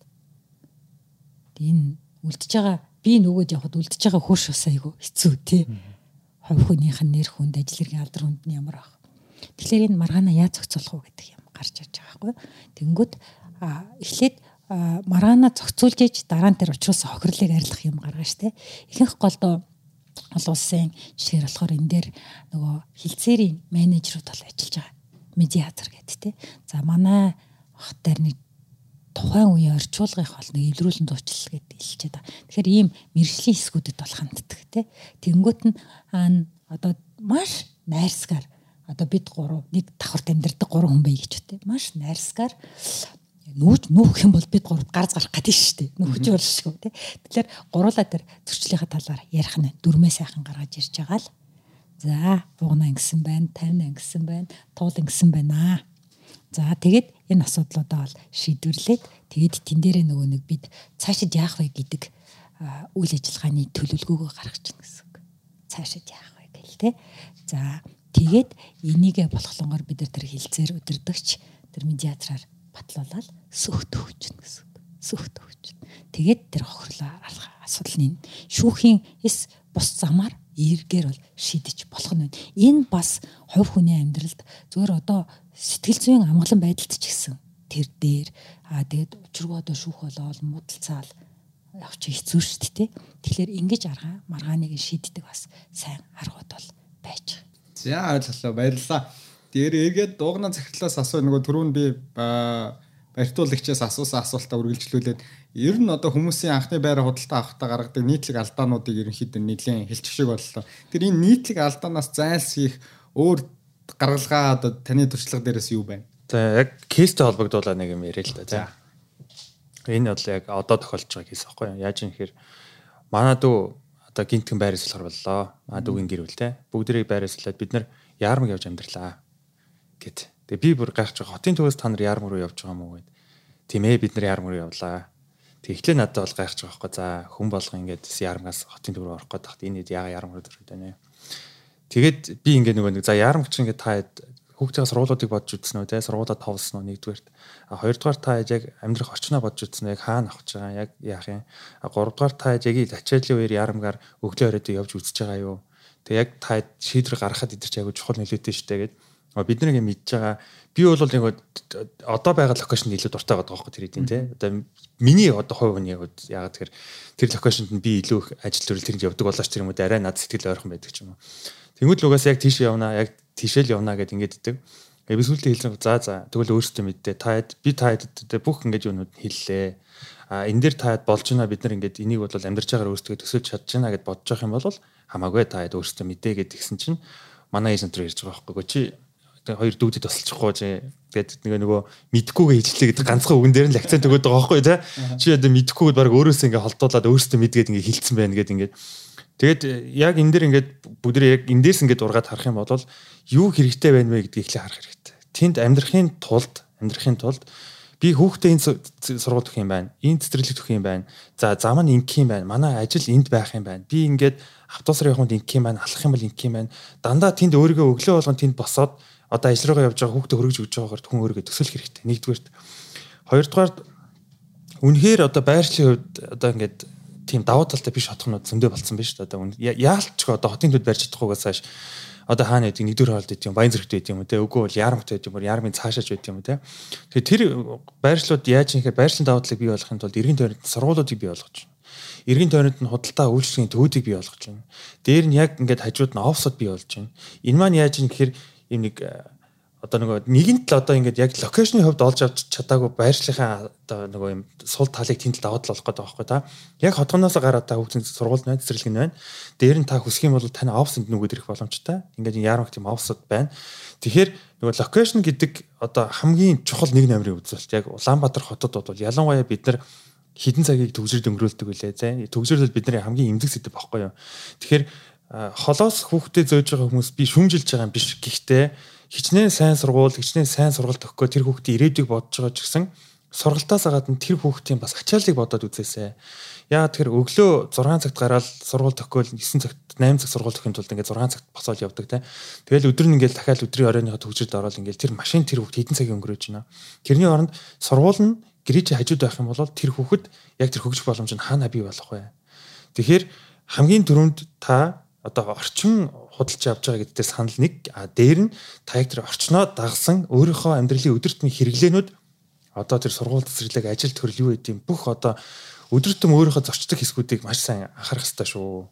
Тэгээд тэн дээр яг амьдарч ийн гэдгээр төсөөлөд үзээрэй. Нэг удаа очиж үзээд хагасаа өдөр юу гэдэг ярам руу ч юм нэгэ өчөчээд оо ястай төгсөрлөгөн байна асуудал юм өдрийн цагаар гээ те. А та яг авч байгаа болоод байршлаа. Яг эд ачаалал хоёр өглөө 6-аас 8 цагийн хооронд ч гэдэм үү те. Үгүй бол орой 6-аас 8 цагийн хооронд ч гэдэм үү. Яг таны сонирхож байгаа бүс энэ хавьд ямар байх вэ? Та ажлаасаа гараад хэдэн цаг явж байна вэ? Алхахад ямар байна вэ? Автобус хэдэн чиглэлийн автобус явж байна вэ? Ганцхан чиглэлийн автобус явж байгаа бол нэг чиглэлийн автобус хүлээгээд зогсох уу гэдэг ч юм уу те. Тэгэхээр амьдарч байгаагаар тэнд нэг жил үйл хөдлөлийг тэртээ тэргүү одоо хүссэн өсөөгөө би өнөөдөр авсан үйл хөдлөлгөө за муу яста амьдрах тохиромжгүй байна сарын дараа зарна гэж байхгүй тэр бол үнэхээр бас хэцүү тэгэхээр нэгэнд авцсан бол сэтгэл дундуурч гисэн хүн 5-аас 10 жил амьдрдаг л аахгүй юу? Тэ? Сүүлдээд нөгөө 5 дахь жилдээ 6 дахь жилдээ ороод ирэхээр хүн тасаад эхэлдэг байхгүй аа за за. Одоо ингэ юм баг нөгөө гэртээгээ босод юмнуудыг ойртуулж эхэлдэг байхгүй ажлаа ойртуулж эхэлнэ. Үгүй бол хүүхдийн сургуулийг ойртуулж эхэлдэг ч юм уу тэ? Үгүй нэг хол зөөдөхдөө бүр ингэ тасаад эхэлдэг ч юм уу. За тэгжэл 5 жил дараа хүүхд марг өөр явдаг болчихсон байт юм уу те.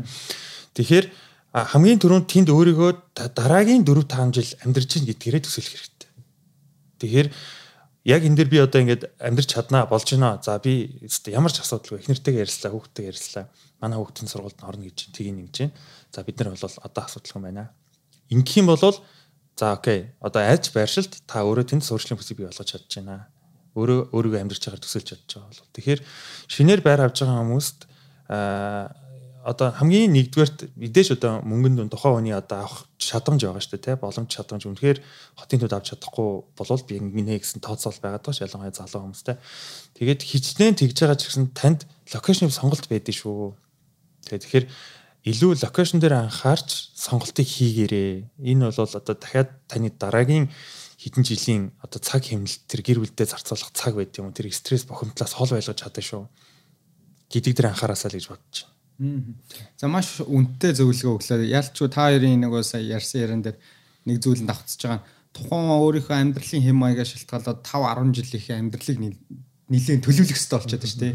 Цаашдаа яах вүлээ гэдэг дээр үнэлж байгаад тэгээ шийдвэрээ гаргах тэр зүйлийг хэллээ. Баярлалаа. Тэгээд манай сонсогч нарт зөндөө саяны байр анх удаа байраа сонгох гэж хүмүүс нэлээд энэ бол хэрэгтэй тустай зөвлөгөө болсон баха гэж бодож байна. Одоо би үргэлжлүүлээд дахиад нэг ганц юм уугнаа захирлаас асуучих. Одоо хөрөнгө оруулагч нар маань байр авах гээд байгаа гэж бодъё. За за би ингээл одоо энэ подкастыг сонсоод маргааш нь заав. Ерөөсөө үйл хөдлөлийн салбарт хөрөнгө оруулаад ер нь баяжчих юм байна гэж залуучууд тгий гэж бодъё. Тэр нь тэгээ сүүлийн залуучууд амар их агент болж байна шүү дээ тий. Энэ салбарч бас ингээд ингээл том болоод байгаа шүү байна. 5-аас 10 жилийн цааш тийм энэ байрны чиг хандлага хүмүүс ер нь ямар байрууд илүү эрэлттэй байхаар байна. Улаанбаатарын хувьд шүү дээ. Хувьд шүү дээ тий Тэгэхээр залуучуудад зүгээр жоохон тийм хинт байдлаар санаа өгөх юм бол ер нь одоо танай зах зээл одоо дундад буцалж байгаа хүн бол нэлээд мэдээлэлтэй байгаа л гэдэг тий. Буцаад нэг 4 5 жилийн өмнөхөө ярих юм бол жишээ нь би одоо хаусны зах зээлээр ажилладаг байсан гэдэг өөргөө ярьлаа. Тэгээд тухайн үед яадаг байсан гэхээр хүмүүс нөгөө юм хотхон чиглэл рүү айгүйх хаусд худалж авалт. Одоо дөнгөж нь Ярамгийн хотгонууд одоо хаус хотгонууд тэр чигтээ баригч эхэлжсэн цааш жаргалант яам гээл те. Ийшээ зайсан дөгөл хаус хотгонд баригч эхэлжсэн. Тэгээд хүмүүс ирээд хаус худалж авч байгаа шалтгаан нөгөө занаадаг энэ төр чигсэн мэднэлтэй занаадаг бол байршлууд яг гоё утган шүү дээ те. Тэр нэг зайсан юмд байдаг. Тэгээд тэр энэ төр дээр ингээд хүмүүсийн худалдаа авалт чадрыг худалдаа авч байгаа одоо нөгөө э, нөхцлүүд нь хараад үзэхээр гээ ганцаараа нэг хаус ингээд одоо хаа байдیں бэлгэд байд юм уу сэлгэд байд юм те ингээд амьдарч байгаа хүн ингээд тэнд ингээд хаяа гэдэг зундаа очихын тулд өлдөөний ганц нэг оног очихын тулд очихоос өмнө халаалтаа бэлдэх шаардлагатай. За халаах хэрэгтэй болж байна. Тэнд нэг манаач байх хэрэгтэй болж байна. Дээр нь тэнд очиод эвдрэл гарах юм бол цахилгаана, дулаана бүх юмаа өөрөө ингэ засгуулж байна. А энэ хотгонд ингээд ирсэн ч давуу тал нь эн чинь ерөөс бүх юм цаанаас юм байна. Ах нь ингээд ирэхэд ингээд халаалтаа байх юм байна. Харуул хамгаалалт нэгдсэн байх юм байна гэдэг. Тэгээд ингээд нөгөө тэр хандлагыг харахаар хүмүүсийн ингээд нэг худалдаа авах чадвар нь тийм тийм байжээ. Одоо худалдаа авах одоо гол нөхцөл тавьж байгаа шаардлага тийм байжээ. Аа тэгээд яг тэрнтэй адилхан одоо ингээд нөгөө хөрөнгө оруулалт хийж байгаа. За хэрвээ та байр худалдаж агаад буцаага тэрийг нь 5 сарын шинээр зарья гэж бодож байгаа бол одоо байрны зах зээл гэсэн ялгаагүй илүү хотгоны чиглэл рүү одоо та байрныхаа сонголтыг хийгээрээ. Одоо ингээд Улаанбаатарт гарсан одоо алдаа гэх юм уу юу гэх юм те одоо дахиад бити одоо юм байгаасаа л гэж бодож байгаа л да.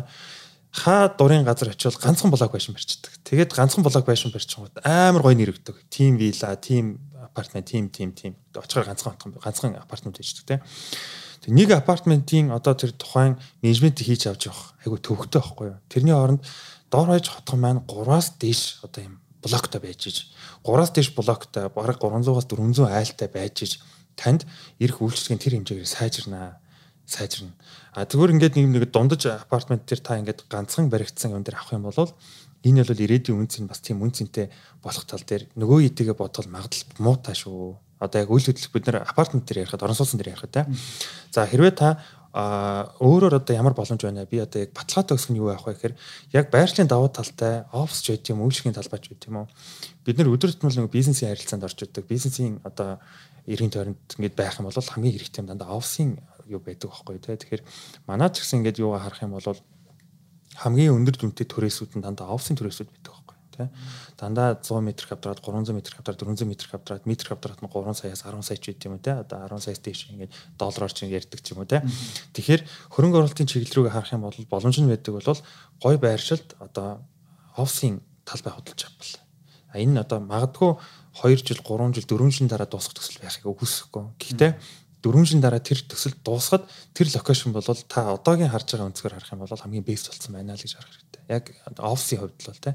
Тэгэхээр офис орон сууц үгүй бол та лагшри зэрэглийн хаусн дээр хөрөнгө оруулалт хийж гинөө. Яг таны боломж нь юу байна вэ гэдгээс шалтгаалаад яг өөрийнхөө боломжинд тулгуурсан хамгийн зөв сонголтууд хийж болдгоо шүү гэж хэлэх гээд байгаа юм. Ер нь бол тий худалдаа үйлчлэгээний оо лангуу гэх юм уу.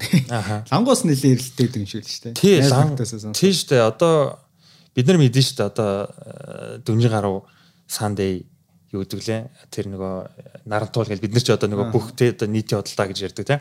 Тэгээ тэндээ зарах юм тентийн лангуунууд бол хамгийн эрэлттэй баг олддгоо ч гэдэг юм тийм. Үнэлгээд буцаага зарахаар айгүй үнэтэй гэдэг ч юм уу. Одоо сүүлийн үед нөгөө сүлжээдлгүүр CUGS энэ төр ороод ирэхээр бас нэг шинэ стандарт гаргаж ирлээ гэж хүн болго ингээл бас ашиглалтаа ярьж байна тийм. Тэгэхээр эднэр бол та хэрвээ нэг давхарт нэг э, үйлчлэгийн талбайтай байх юм бол GSC орох магадлал өндөр байхгүй эргэн тойронд байхгүй бол тэгээ эднэр маань илүү одоо 5-аас 10 жилийн хугацаанд маш урт хугацааны доктортой гэрэнүүд хийдэг. Доктортой гэрэнүүд хийдэг учраас за окей энэ э, одоо нөгөө франчайз байгууллага учраас эдгээр чинь ингээд тогтсон одоо нөгөө тогтчлт байт юм уу одоо бүх шаардлагууд нь ингээд стандарттай байдаг учраас таны үйл хөдлөх хизээж таны одоо өмнө байснаас муудаад ирэхгүй л гэсэн үг. Ер нь бол одоо нэг дурын одоо нэг ойдл ч юм уу те ингээд нэг оруулаа нөгөөх нь орж гараал орж гараал айгүйх ингэж юутай байдаг. Тэгээ бид нар ч одоо ингэ түрээсийн зах зээл дээр ажиллагаар манай хэд ярьдаг юм юу байдаг вэхээр яг ингэ түрээсэж байгаа юм ингэ том компани орчих айгүй амар байдаг амар байдаг. Яг тэр бид нар ингэ зуучлал хийгээд компани оруулцдаг. Нөгөөх маань нэг 2 сар болоо 3 сар болоо гарлаа гэдэг буцаагаал нөгөө хүн чинь гарсан шүү дахиад үнэ олоорой тэгэрэй гэл ингээл асуудал айгүйх байдаг те. Тэгэхгүй том компани үгүй франчайз энэ нөгөө GSC Winter орчих юм бол өсөө өсөөг бид нэг урт хугацааны гэрээ гэдэг учраас бас ийм одоо хөрөнгө оруулалтын даваатлаг бий болдсон шүү л гэж хэлж байгаа. За одоо баяртуулагчаас нөгөө хотгоны хотгонд амьдрах соёлтой холбоотой асуулт асуунаа. За одоо та өөрийнхөө амьдарч байгаа хотгондоо ч гэдэм үү яг өөрийнхөө нөгөө саяны ярьж байгаа зүйлүүдийг хэр одоо жишээ нь үлгэрлэж одоо хөрөнгө хөрөнгөний удирдлагын одоо компаниа шахаж хардж байна. Өөрийнхөө амьдарч байгаа орчинтой уялдуул жишээ болгож ярил. За за тэр хотхон гэж өөрийнхөө амьдарч байгаа газар хэлэх албагүй л дээ зүгээр ирнэ. Тэгэхээр тэр хотхны дүрм журам гэхэр ингээл айгу замын хөдөлгөөний дүрм шиг хэцүү сонсогдчихэж магадгүй тий. Хатуу. Тэр бол ерөөсөө үгүй тэ яалтчгүй дүрм гэдэг үг үгнээс өөр одоо бид нар доноос нэр олдохгүй шүү дээ. Тэгэхээр энийг ингээд жишээлээ л да. Тэгэхээр одоо нэг хотхонд айл хөршөөр амьдарч байгаа.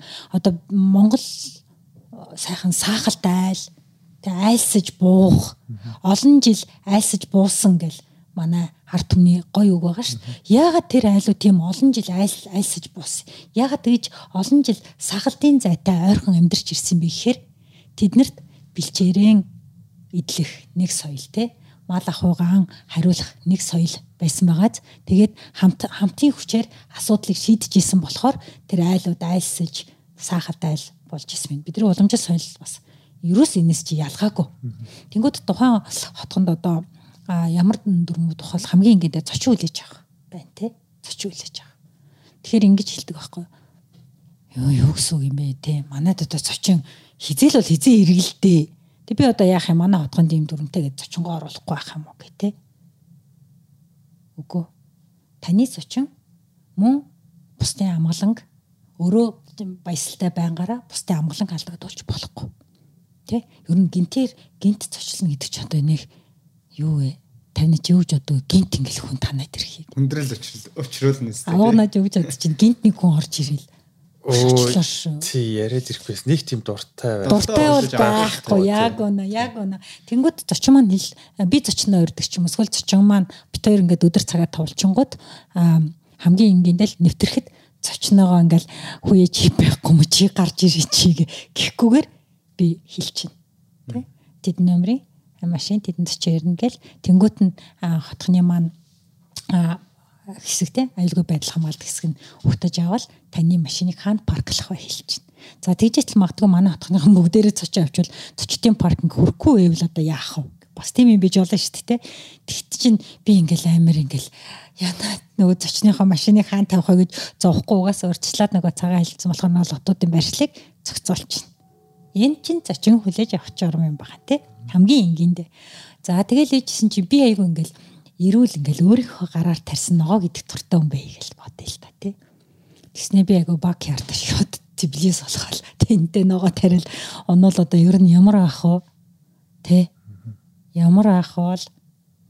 нэг таатай байх байх тий. За чи одоо оноо манай хөршөө гээл одоо л да би ингээл өстэй оо өстэй шинцэж уцаа помидор ер юу идгийн чин юу тариал таалмал хөршөөдтэй дайлалтай. Би өөрөө тэндээс айгу жаргалтай байгаад байна. А та хоёр юу гэж бодох вэ? Тбилистэй хот одоо нэг юм хүлэмжтэй гэлтгар утаар бүрцэн хүлэмж. Яг хажуугийн айл магадгүй одоо тийм байх юм бол нөгөө үзэмж талаасаа нэлээд таалагдахгүй л ахал. Яг нь үзэмж гингүүд анх би хотгонд орж ирэхдээ би чи ландшафтынхаа зургийг ингээд харж гарч хотны зохион байгуулалт хийж тэнд тийм юм байхгүй те. Тэгэхээр ингээл аа бас нэг юм бодогдоод яг л энэ бүхэн чинь л нөгөө амьдрах дүрм гэдэг чинь энэ байгаа байхгүй тий. Чин таны анх яг худалдаж явах та юу мөрөөдөж бодож авч гисэн бэ гэл тэр. За нөгөө тэгүр ингээл би бодъё л да бид нар ингээл айгүй гой бүдэрээ цэв цэнхэр дээвэртэй цав цагаан 15 байшин. Тэгсэн чи гинт баяртул Аа би сте пинк шүт үзүүлсэн чи оранжаар тэр юм бэ. Оранжаар буудаа. За тэгэл ингээл өнөр мөнөр гараал одоо нөгөө та хэд ч одоо баг тэр нүү нэг хідэн 2 моёр өдрөөр одоо ингээл явхаар ингээл болж иж болно штэ. Тэгвэл би засвар хийхийнхаа өмнө яасан бах нөө дөрөв нэг оюуныхаа өмчи тэ яг зураг гаргаж ягаад би бэшанга заснаа.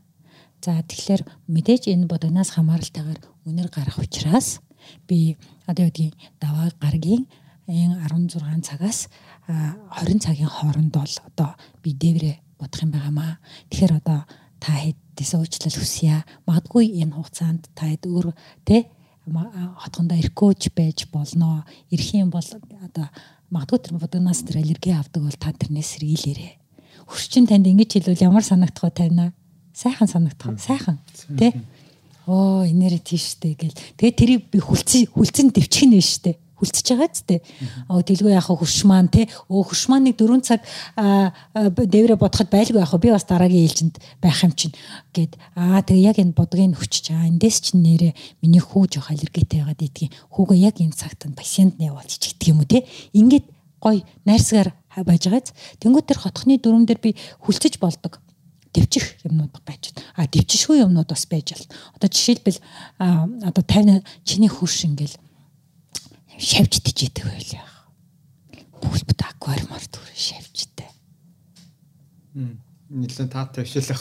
А танаа хөрш могоо тижээдэг байлаа. Хортой могоо. Тий, бас л хэцүүлтэй. Тий. Тэгэхээр амтан тижих тижээмээр амтан байлгах чинь бол зөвшөөрөгдсөн болно тий. Гэхдээ нийтэд одоо ингэж хор хөнөөл учруулахаа цаавал та татгалзах хэрэгтэй. Миний хобби яад ингээл тий. За би ингээл айгүй юм машин зүйл бол машины фарант. Тэгээд тэнгууд чинь би бүх машина дээр хотхон тавьчрыг үл та хоёрч ямар санагдах вэ? Хаана нь миний зочид хаана нь миний машин парклах юм би би яг гаражда хийчихэндээ гэтэл тэр лотууд ч үрэлцэхгүй шүү дээ. Тусдаа газраа бол тусдаа хаусаа бариад амьдрал яг үнэ хэрвээ хатганд амьдрахаар бол та цуглуулга цуглуулгат нь бол тантай хамт ирэхгүй нэ те та машиныхаа одоо тэр фармд байлгах нэ гэл тийм юм гарч ирж болох нь. Энэ бол яг хотхны. Тэгэхээр бид нэр айгүй гой цогцоод амьдарчиж болохоор байгаа зүтэй тий. Жишээлбэл одоо занаад уу сонирхож ирсэн миний нэг харилцагч ижсэн байхгүй юу. Хуршин ч одоо би айгүй ингээд хөдөөний сайхан хүн тий. Ч одоо хөдөөгөө Монгол хүн гэж байхгүй ш. Тэ одоо яана одоо энэ хотхон руу чарахаар нөгөө мүйд ах トゥ маань одоо ноос ноолоор авчирал одоо би одоо яана одоо оруулахгүйгээд энийг юм чи одоо хот очиод бүр зангаа авир гэж гэнэ. Тэнгүүд чинь болно шүү дээ тий. Яг тэр хүний яг тэр авчираад байгаа юуг нь хадгалдаг агуулах биш. Агуулах байна тий. Тэгэл орохдоо нарсгаар утаж яваад а тамаа наатганд очихдоо ийм ингээд ийдгээр тий. Та яг тэр замаар очиод одоо тэр хатганд таны одоо зочилж ирж байгаа айл чин тэр байгаа шүү. А таны одоо зүйлийг бол бид энд агуулгатай хатгалах болно гэл тэгчихсэн. Одоо хамгийн түгээмэл юмнууд юу байдгүй нохонууд энэ тэндгүү ингээл нөгөө муужгаанууд за муужгаач нэг салхилуулаад байгаа. Нохоо ингээл энэ тэндгүү уулзалдаал одоо ингээл баагаал тэ тэгэл жоохон хэцүү яагаад идэх тэ тийм үү? Та ерөөсөө тиймтэй өвчөрдөг юм уу? А тэгвэл ийм дөрвөн журамтай хотхоноод болохлонгоор яг нөгөө нохоогоо салхилуулах газартай, цагтай тий. Тэгээд бас юу байгаа юм л да зарим нэг юм одоо зодооны ч юм уу хүнний нөгөө сэтгэл зүй тавгүй байдал учруулдаг нохотой байх нь бас хоройтой байгаа байхгүй тий. Дөрвөн журмаараа шийдэх нь шүү дээ. Гэтэл хотхны нийт орсон суугчдын 30% нь хүүхэд тэдгэр хүүхдүүд 13 хүртэлх насны хүүхдүүд байвал одоо зодооны чиглэлээ актер тийм чангаар хуцдаг гих мэтчлэнгийн нохонууд бол хориглох жишээ энэ чинь нийтээрээ шийдэж штэ нийтээрээ шийдэх энэ асуудал болж. За тэгэл одоо түрүүн манай угна хэлж штэ нийгмийн үйлчилгээнүүдийг бол их ойртуулах ёстой. Тэгэх юм бол тэр нь хөрөнгөний үндэ ойртдог гэл те. Тэгвэл магадгүй хотхноороо хүүхдүүд нэг сургуульд яваад те. Тэгээд тэр сургууль руу хөргөж өгдөг үйлчилгээнүүд бас байж байгаа жишээний тий. Тэгэхээр энийг бол зохицоор нь шийдчихэд байгаа байхгүй. Тэгэхээр тэрүүн туршлагаа авах. А хэрэг магадгүй та яриад байгаа энэ маягийн хотгоныг зорих гэж байгаа бол бас Улаанбаатарт байгаа л гэсэн үг. Тэгээ нэг хэцүүлэгч юм дээр хэлэхэд нөгөө одоо нэг хөрөнгөний менежмент хийгээд дөрөв журмыг зохиохтой илүү монголчууд хийдэг байлгүй дээ тий. Жишээ нь нөгөө нэг хаус хотгоо ингээд нэг өдөр бүгдээрээ ашиглалтанд ороод тэг яг тэрний дараах сайн өдөр нь би нэг яваад очисон чинь ингээд битүү машин орсон. Яасан гэсэн чинь бүх айл найраа хийжсэн байхгүй юу. Манад нэг тийм соёл байдаг шүү нэг шинэ байрны найр хийх гээ те. Сайн өдөр өдөр тий. одоо нөгөө намрын дунд сарын шинийн 15 тий нөгөө асуудал өдөр гэдэг те. хамгийн хуримтай болж байгаа. Тэгэхээр тэр интер дээр ч гэсэн бас нөгөө хүмүүс бас яг таны дөрөвний хэлсэн чинь дөрөм журам гэдэг тэгэхээр амар хатуугаар ойлгох. Тий амар хатуугаар. За би бараг тэрэнд амьдрах юм уугүй юу. Үгүй бүр хүн надад хэлжсэн. Одоо бас манад хотод баригдсан тийм батгонд байгаа. За болит тулаа. Чи одоо тэр бумаар намайг үнтэй шоронд авчих гэж байгаа юм уу? гэж хэлсэн байхгүй юу? Яг тэгжсэн. Тэгэнгүүт одоо яг мэдээж уламжлалаа бид нар хүнддэг нь. Энд ч одоо бидний ялгарл нь шүү дээ. Манай Монгол уламжлал бидний бүр уугуул соёл чинь гайхалтай шүү дээ. Хідэн үеж яг би ингээд нэг 3 дугаар үеийн энэ суурин газар суурсан хүн байж магад. Гэтэл миний өвгөд дэдс миний хамаатангууд бүгд ингээл сайхан хөдөө нутагта таавар амьдарч штэ. Тэгэхээр бидний уламжлалт тэр сайхан соёлыг бол хүндэтгэн хүндэтгэлгүй яг. Тэнгүүд чинь одоо тэгэл цочдынхаа тоог цаг хугацаагаа яах. Тэнгүүд нь дахиад аюу гой найрс харилцаа өсөж байгаа шүү дээ. Бид гур уулзаад за танах тэдэс тэдийн хооронд цочтой аваад гаргах. Тэгвэл би яа таны танагийн дараа танай дараа манах цочтой авъя. Тэхүү гээл те. Тэгээд ингээд нөгөө нэг эрг цочтой ч юм бол лот хуваарлалт маярлт гээл. Тэгээ аюу гой найрс харилцаа үсэх байгаа байхгүй. Тэгэхээр тэр амгалан оршихой гэдэг чинь тэр газар байж байгаа. Гүн чин гэртэл тэр ерөөс хэлээд байгаа ч нэг метр квадрат худалдаж авдаг юм аа. Тэр амьдрах үн соёл амгалан оршихой чи бөөнд нь худалдаж авч байгаа. За үүний зэрэгцээгээр зүгээр ингээд таршиндан ингээд хэлэхэд те энэ нөгөө дөрөв журам гэдэг тийм аимшигтэй хууль шиг эрүүгийн хууль шиг тийм гэж юусоо ойлгож болохгүй те. За тэгжээтэл бид нэр ингээд ийм дөрөв журамтай болохоор ингээд яах вэ гэхээр одоо жилжээс түрээслэгч ингээл байшингаа өдрөмжүүлэхэд түрээсэлждэг гээл. Тэгжингууд бид тэнд айл айлтай амьдрах гэдэг шүү дээ. Айлтай тий хүнтэй хамт амьдрах гэдэг л баян хулгахтай амьдрах болчиход шүү дээ. Тэгэнгүүт тэр дөрмээрээ яах өнгөнгөт бид нар дундаа за зөвхөн л анхныхаас л ерөөсөл хүнд түрээслэнэ айлхан түрээслэн гэдэг. Тэгээ түрээслэгчтэй мөн дүрмээ танилцуулах нь шүү дээ. Тэгэхээр энэ айгүй гоё. Айгүй гоё. Яг нөгөө нөгөө түрээслэгчтэй за юм эвдэлч вэ чи. Вэ вэ миний хүү гэдэг энэ авчуур амар үнэтэй шүү гэл бөөд айц сэлдэг. Тэг ерөөсө хэрэггүй. Ерөөсөө л хатхныхаа дүрм. Апартаментынхаа дүрм, орон сууцаа дүрмийг пайчин. Тэнгүүт нь одоо тэрийг түрээсэлж байгаа хүн ч гэсэн магадгүй одоо манай оюутнууд их төрөсөлдөг шүү дээ. Тэгвэл ээж аавнаас айгүй сайхан тайван амьдрын шүү дээ. Сайхан үлгийд, сайхан усад, тий? Сайхан ховдтой, сайхан тайван. Нөгөөдөг чинь сайхан дүрм журамтай амгалан ийм сайхан газар хүүхдээ төрөслөлц амар зүгээр. Нөгөөхөө чинь ороот чинь үг ихгүй Тэ тэр яг хэд ирэх хэвээр мэдж байгаа гэд. Тэгэхээр бид нэр ингээд бүгдээрээ л энэ хотхны дүрм журмд чинь амгалан байдлаа. Тэгэд одоо бол яг нь хаус хотхнуудад бол хэдийн нутагшсан байна те. Тэнгүүд эндээсээ туршлага аваад бусд нь бол гаргаж гаргана гэсэн үг. Тэгэхээр тэгэд хоорондоо хэрвээ үл ойлголцол үүсэх юм бол хилцээр зохицуулагчдад очиод хандчихна. Энэ сүүлийн үед тэгээд өндөр зэрэглэлийн орон сууцнууд бол за хувийн хаус хотхнууд үнэтэй байгаад байгаа шалтгаан бас энэ баг шиг байна тэгвэл тийм энэ дүрм соёл өв соёл ингээд тэгээ дээрэс нь бас э, юу баг шиг эрэлттэй байгаад байна гэдэг гэдэг ш би зүгээр ганц хоёр нэг одоо биш нэг барилгын салбарын хүн болохоор найз нөхдөд сонсгоо. Өндөр зэрэглэлийн л орон сууцуд энэ маш хурдан зарагдаад байна гэдэг гэдэг байхгүй тийм үнэтэй юм чи бас Монголд аваад ах хүн байна гэх үгүй байна гэх. Тэгэхээр цаана тэр хүмүүс бас энэ нөгөө л яг энэ цаана юунд би хөрөнгө оруулж байгаа вэ? Яг value үнц мэдчихээ учраас хүн сонсоход гаднаас нь нөгөө би сонсоод бөө 2 тэрбум 3 тэрбум юм барьж яах гэж наа чи ганц л өгдөө гурвалханаа амьдрнэстэй гээд байгаа юм шиг хэрнээ тэр хүн нөгөө 2 тэрбум маань 10 жилийн дараа энэ бол 4 тэрбум юм үлгээтэй болцсон байна гэдгийг хараад бас өнөнгө оруулж байгаа болохоор бас тэр талаас нь харуу сонирхолтой л юм тийм амьдрангаараа тэр чин хөрөнгө өсгөж ш хөрөнгө өв хөрөнгө болгож байгаа. Өөрөө амьдраад тэгээд гítэл одоо нэгтлэн бод бүртгэлийнхаа утгаар болохоор чин дандаа илэгдэл хорогдол тооцогдож идэг үсттэй хөрөнгөнд чинь те а тэгвэл амьдрангаараа тэрний үн өсөж байна гэдэг чинь нэгдүгээрт өөрснөө яаж арчилж торцсон хинүүс амьдрч ийсэн гэдэг юм болж ш. Тэнгүүт бид нэр ингээл өөр орны зүүн артиклуудаас ингээл уншихаар чинь одоо очролж идэг те. Тий ярианыхын таныг хэлсэн. Тий очролж идэг. Бон энэ тал орох юм. Тий энэ тал орох юмсан гэд ингээд яагаад яагаад гэд тэгэхээр тэнд нөгөө нэг а яг л нөгөө амгалан байдал аюулгүй байдал нөгөө өв хөрөнгө хөрөнгөний удирдлага, амьдралын удирдлага чи яг л хамтдаа явж байгаа учраас юм болж. Тэгэхээр заавал энэ нь үнтэй хотгон дээр хэрэгжичээд бусад тойргийн хотгонуудад хэрэгждэггүй гэж ойлгож болохгүй те. Тэнгүүд бид нэр хамаагүй одоо хуучны хаач байшинг бүгдээрээ нийлээд ийм дүрмтэй бүгдээрээ нийлээд ажиллагаа тордлоготой болгочих юм бол тэр маань бас үнд хөрөх боломжтой гэсэн. Үнэн нь унахгүй гэсэн. Ер нь яг дид бүтц өөрөө хомсдмол байдал байгаа тий газар өөрөө хомсдмал тэгэхээр үйл хөдлөх өсөд итг тий а эсрэгээр бас унж штэ ундаг асуудлууд нь болохлонгоор л тэр яг л одоо бид нэр тэндээ доктортой оршин суусангүй тий янз бүрийн хүний хамааралтай болоод бус нөхцөлийн хамааралтаар унаад байна. А тэгвэл тэрийг хамгаалах юм болохоор хамтаараа амьдрах дүрмээ гаргачих юм бол тэгэл дараа дараадаа шилжүүлээл явж. Магадгүй ингээл ярьж яж шүү дээ. Миний би миний анх амьдр амьдарч исэн одоо байшин бол тэнд. Тэгээ тэнд залуу насаа өнгөрөөсөн. Одоо ч тэнд залуу шүүд амьдардаг. Тэндээс дандаа жаргалтай гэрүүлүүд гардаг шүү гэвэл эн чинь өөрөө гайхалтай хэсэг болж байгаа хгүй. Яг одоо үл хөтгөрөнгийн сахилж моргэж нэлээд давмгааж эсрээр бас уруу моргэж гэж байгаа хгүй. Би өөрөө нөгөө байшингаа авчлаа. Миний өмч болчлоо.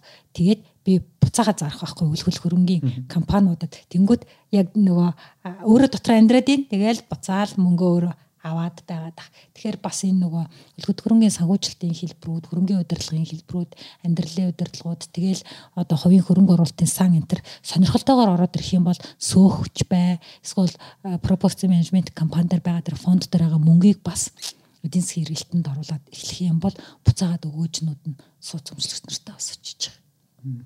Тэгэхээр одоо л яг энэ чиглэл рүү бол Нилээн төлөхөө яаж юм те соёл нь тэгээ суугаад эхэлчихэж байгаа юм байна. Тэгж байна. Манай бүр одоо аймагуд хүртэл харж байна. Би яг чиний сая нөгөө чи аль аймгийнхоо гэдгсэн шээ. Тэгээд мөн ялгаагүй тэгж байгаа байхгүй. Жишээлбэл тэр нэг аймгийн төвд ингээд хоёр дахор байшин ба. Хоёр дахор байшин ба. Тэгээд тэрний пентхаус шиг ороод тэгээд дээрээ тэгсэн хэрнээ тэр нь 1960-аад онд баригдсан байгаа байхгүй. Тэгээд яг яг энэгээр нь яг яг болгоно гэдэг тийм гурван 3 6 айлын тийм байшин байгаа хгүй жижигхэн аймгийн төвд дээрээ бүх манай аймгийн төвдөд байдаг юм бэл. Тэнгүүд ингэж ярьдаг Америкт хуучин байшин аваад засварладаг ажил. Энэ аюул чухал гэд боддоо хуучин байшин аваад засварладаг. Эсвэл хуучин байшингийн засварч үнэтэй гэдэг байгаад тийм компаниуд яадаг вэ гэхээр яг уугуул концепц уугуул зургаар нь тэрийг яг засаж байгаа байхгүй.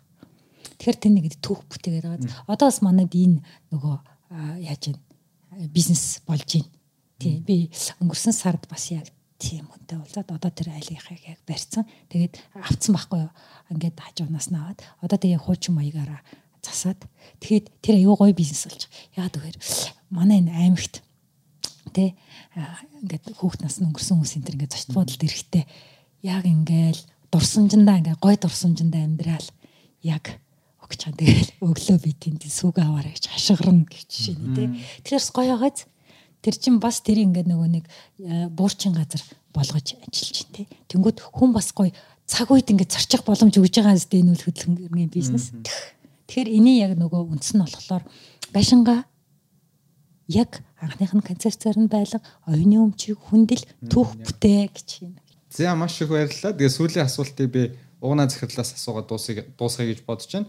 Подкаст маань мараг цаг 20 минут орчим болж байгаа учраас Тэгэхээр үйл хөдлөх хөрөнгийн салбарт тэр нь амжилттай хөрөнгө оруулсан өөрийн түүхээсээ ч юм уу час хийсэн ганц одоо жишээ нь түүхийг хуваалцаад тэгээд амжилттай худалдаа авалтаасаа хуваалцаад тэгээд энэ удаагийнхан дугаарыг дуусгая гэж бодож байна. Хөл хөдлөхийн зах зээл дээр ажиллаад би нэг юмд э, одоо нөгөө хамгийн том ололт байт юм те хувь хүнийхээ хамгийн том ололт байт вэхээр бид нар өдөр тутам одоо юу ч хийж үйл хөдлөхийн харилцаанд ордог л байхгүй юу. Яагаад тэр үйл хөдлөх гэдэг маань анхдагч хэрэгцээ байхгүй юу хүний За хүн идэх хэвээр, хүн өмсөж зүөх хэвээр, хүн ямар нэг юмд оромжинд амьдрах хэвээр. Энд чинь хүний байгалаас өгсөн анхны хөгдлөө шүү дээ.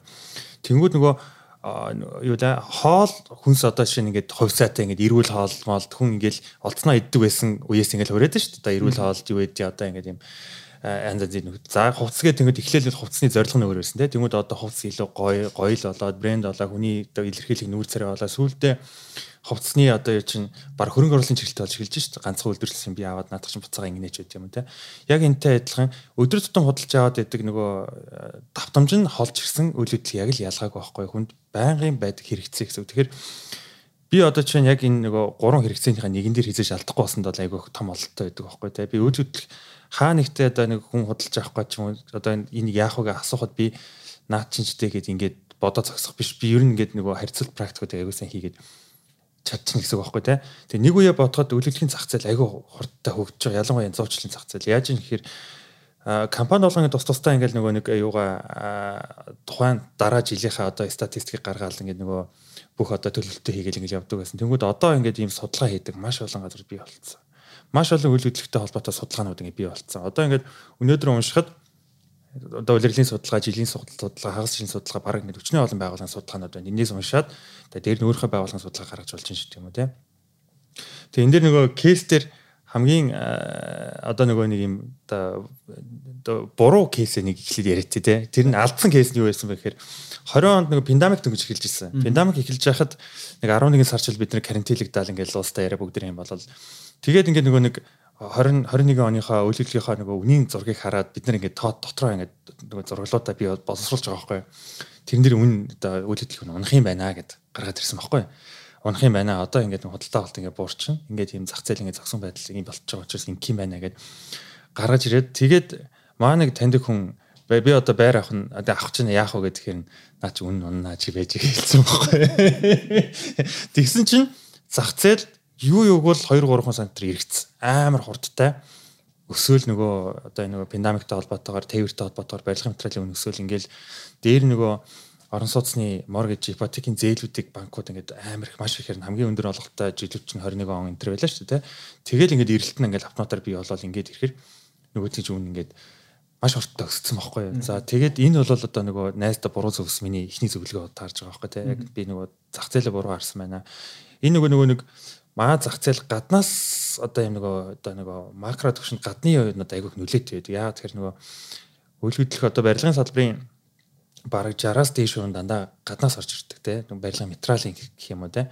За дээр нь нөгөө нэг улсаас явуулж байгаа энэ нөгөө зээл олох уу олохгүй юу гэдэг юм ингээд юм эргэлзээтэй шийдвэрүүд ингээд шууд ингээд нөгөө үйл хөдлөхийн үнд ингээд нөлөөлөд явждаг учраас таамаглаж болдог ч гэсэн таамаглахад айгүй төвхтэй байдаг гэх юм уу да тий төвхтэй байдаг. За энэ бол ингээд одоо нэг зах зээлийн мэдрэгэг болмоос ингээд найзтай буруу зөвлөгөө өгчээ. За маа найз надад итгэсэн. За ингээд дараа нөгөө авчихсан бэ яг тэр байранда 20 30 сая төгрөгийн нэмэн үнээр авсан тий. Тэгээ дараа наваг өрсөн би очиагүй ч байд юм уу те. Тий. За энэ бол нэг буруу жишээ. За а ололтой юм нь юу байсан бэ гэхээр а нөгөө хоёр нөгөө ашиглалтанд орж байгаа байрнууд ингээд төсөл дээр ингээд явахаар ашиглалтанд орж байгаа байрнууд ингээд очихоор ингээд хизээ ашиглалтанд орно мэддэхгүй те ингээд зогсчихгүй зогсохгүй юу гэл ингээд асуудал айгүйх байдаг. Бид нар ингээд нэг хүнд юм зардаг нөгөөт нь ашиглалтанд орохгүй болчихмол. Яах вэ? Асуудал үүсдэг те бүх хүчээр юм шалгаад байдаг шалгаад байдаг ингээд нөгөөт нь ингээд мөнгө өргөхгүйгээ зогсчихмол ингээд асуудалтай байдаг те тэгээд э, нөгөө эрсдэл өндөртэй явах тусмаа чамд ашиг өндөр ирнэ гэд байдаг шууд уруу хамаарлаараа те тэгэхээр нэг амар эрсдэлтэй юмд бас нэг хөрөнгө оруулалт хийж үзчихсэн байхгүй тэр нь баг ингээд зогсож байсан юмн дээр за энэ дэр нэг хөрөнгө оруулалт хийх наа чинь болох юм байна а одоо наа чи нэг жоохон ийм л юм дотоо байгаа юм байна гэд. Уу наа чи ингээд зогсоод удаж байгаа юм шүү дээ гэж. Үгүй одоо наадах ингээд нэг жоохон дэмжлэг үзүүлчих юм бол наа барилга чи ингээд явах гээд байна. Ингээд болох юм байна гэж юм те. Тэгээ тэр юм дээр бол жишээ нь хамгийн богино хугацаанд буюу 3 4 сарын дотор яг нэг оруулсан хөрөнгөө 2-3 дахин хэмжээсэн тохиолдол байдаг байхгүй те. Тэгэхээр маш өндөр эрсдэл хүлээж байгаа. Тэр нь хөрөнгө оруулалт хийгээд зогсчих юм бол бүр уучлаарай хэдэн жилээр үргэлжлэх магадaltaй те. Тэгээ хөрөнгө оруулалт яг үйл хөдлөлийн чиглэлээр хөрөнгө оруулалт хийж байгаа хүмүүст одоо дахиад анхааруулад хэлэхэд үйл хөдлөх маань өөрөө нэг юм одоо өнөөдөр аваад маргааш зардаг бүтээгдэхүүн биш ээ. Тэгэхээр илүү төвчээртэй урт хугацаанд энэ хөрөнгө оруулалт чинь ерөнхийдөө бас нэг өгөөж нь орж ирдэг шүү. Өнөөдөр магадгүй нэг сард авчаад за би энийг нэг 6 сар зарахад 5 сарын хугацаанд би инким байна гэж төлөвлөж байгаа бол бас тэрийг тэгэд төлөв тооцоож одоо зээл аваад ч багны зээл аваад хөрөнгө оруулалт хийж байгаа бас нэг жоохон бодоод үзээрэй. Тухайн үйл хөдлөх маань 9 сар зарагч магадгүй 10 сар зарагч магадгүй те. Тэгээ дээр нь бэрээр ашиглалтанд ороогүй байгаа бол бас нэг ашиглалтанд орох хугацаанд жоохон сунах магадaltaй ч байт юм уу те. Тэгэхээр энэ дээр маш сайн анхаараарай гэд ерөнхийдөө бас тэр нэг хөрөнгө оруулалт хийж байгаа хүмүүст ингээд залгуулад хийлгэхэд ер нь тийм л рискүүд байдаг л та үлдгийн чиглэлээр те. Тий. Тэгээ илүү нэг мэрэгжлийн хүмүүст хандаад үзээрэй. Одоо надтай годомжинд таараад би энэ нэг нь зөв бурууг асуух юм бол би чадлах хүрээнд л хариулна. Гэхдээ яг тэр нэг найздаа зөвлөдөг хүртлээр би өөртөө амар ихтэлтэй би ингээд зөвлөгөө өгдөг байсан байхгүй тий. Тэгээ тэр яг нэг найздаа дотныхаа найзд ингээд нэг буруу зөвлөгөө өгснөөс л жоохон ингээд нэг миний өөртөө ихтгэл унчаад байгаа байхгүй тий. За яах вэ эн чинь юу вэ? Ер нь тэр л дээр гэж бодож штэ гэдэг ингээд нэг хүнд ингээд ярьдаг ч юм уу тий. Тэгэхээр нөгөө айгуу савлгаатай зах цаа. Гэхдээ ерөнхий утгаараа бол өсөлт тий үзүүлэлттэй байдаг шүү. Урт хугацаанд өсөлттэй байдаг шүү. Тий, тий. За баярлалаа. Тэгээд та хоёр маань манай студид өнөөдөр цаг гаргаж хүрэлцэн яриа. Тэгээд маш үнэтэй зөвлөгөөнүүдийг өгсөнд баярлалаа. Тэгээд энэ подкастын баг нэрийг түрүүн баяртуул их өгч шиг болсон. Байр сонгоно гэдэг нь ер нь ханаа сонгож байгаа бас ялгаа үгүй зүйл юм аа. Тэр хамгийн чухал зүйлийн нэг хүний анхдагч хэрэгцээ. Тэгээд амьдралтаа одоо талах шиг олон аваад байдаг зүйл.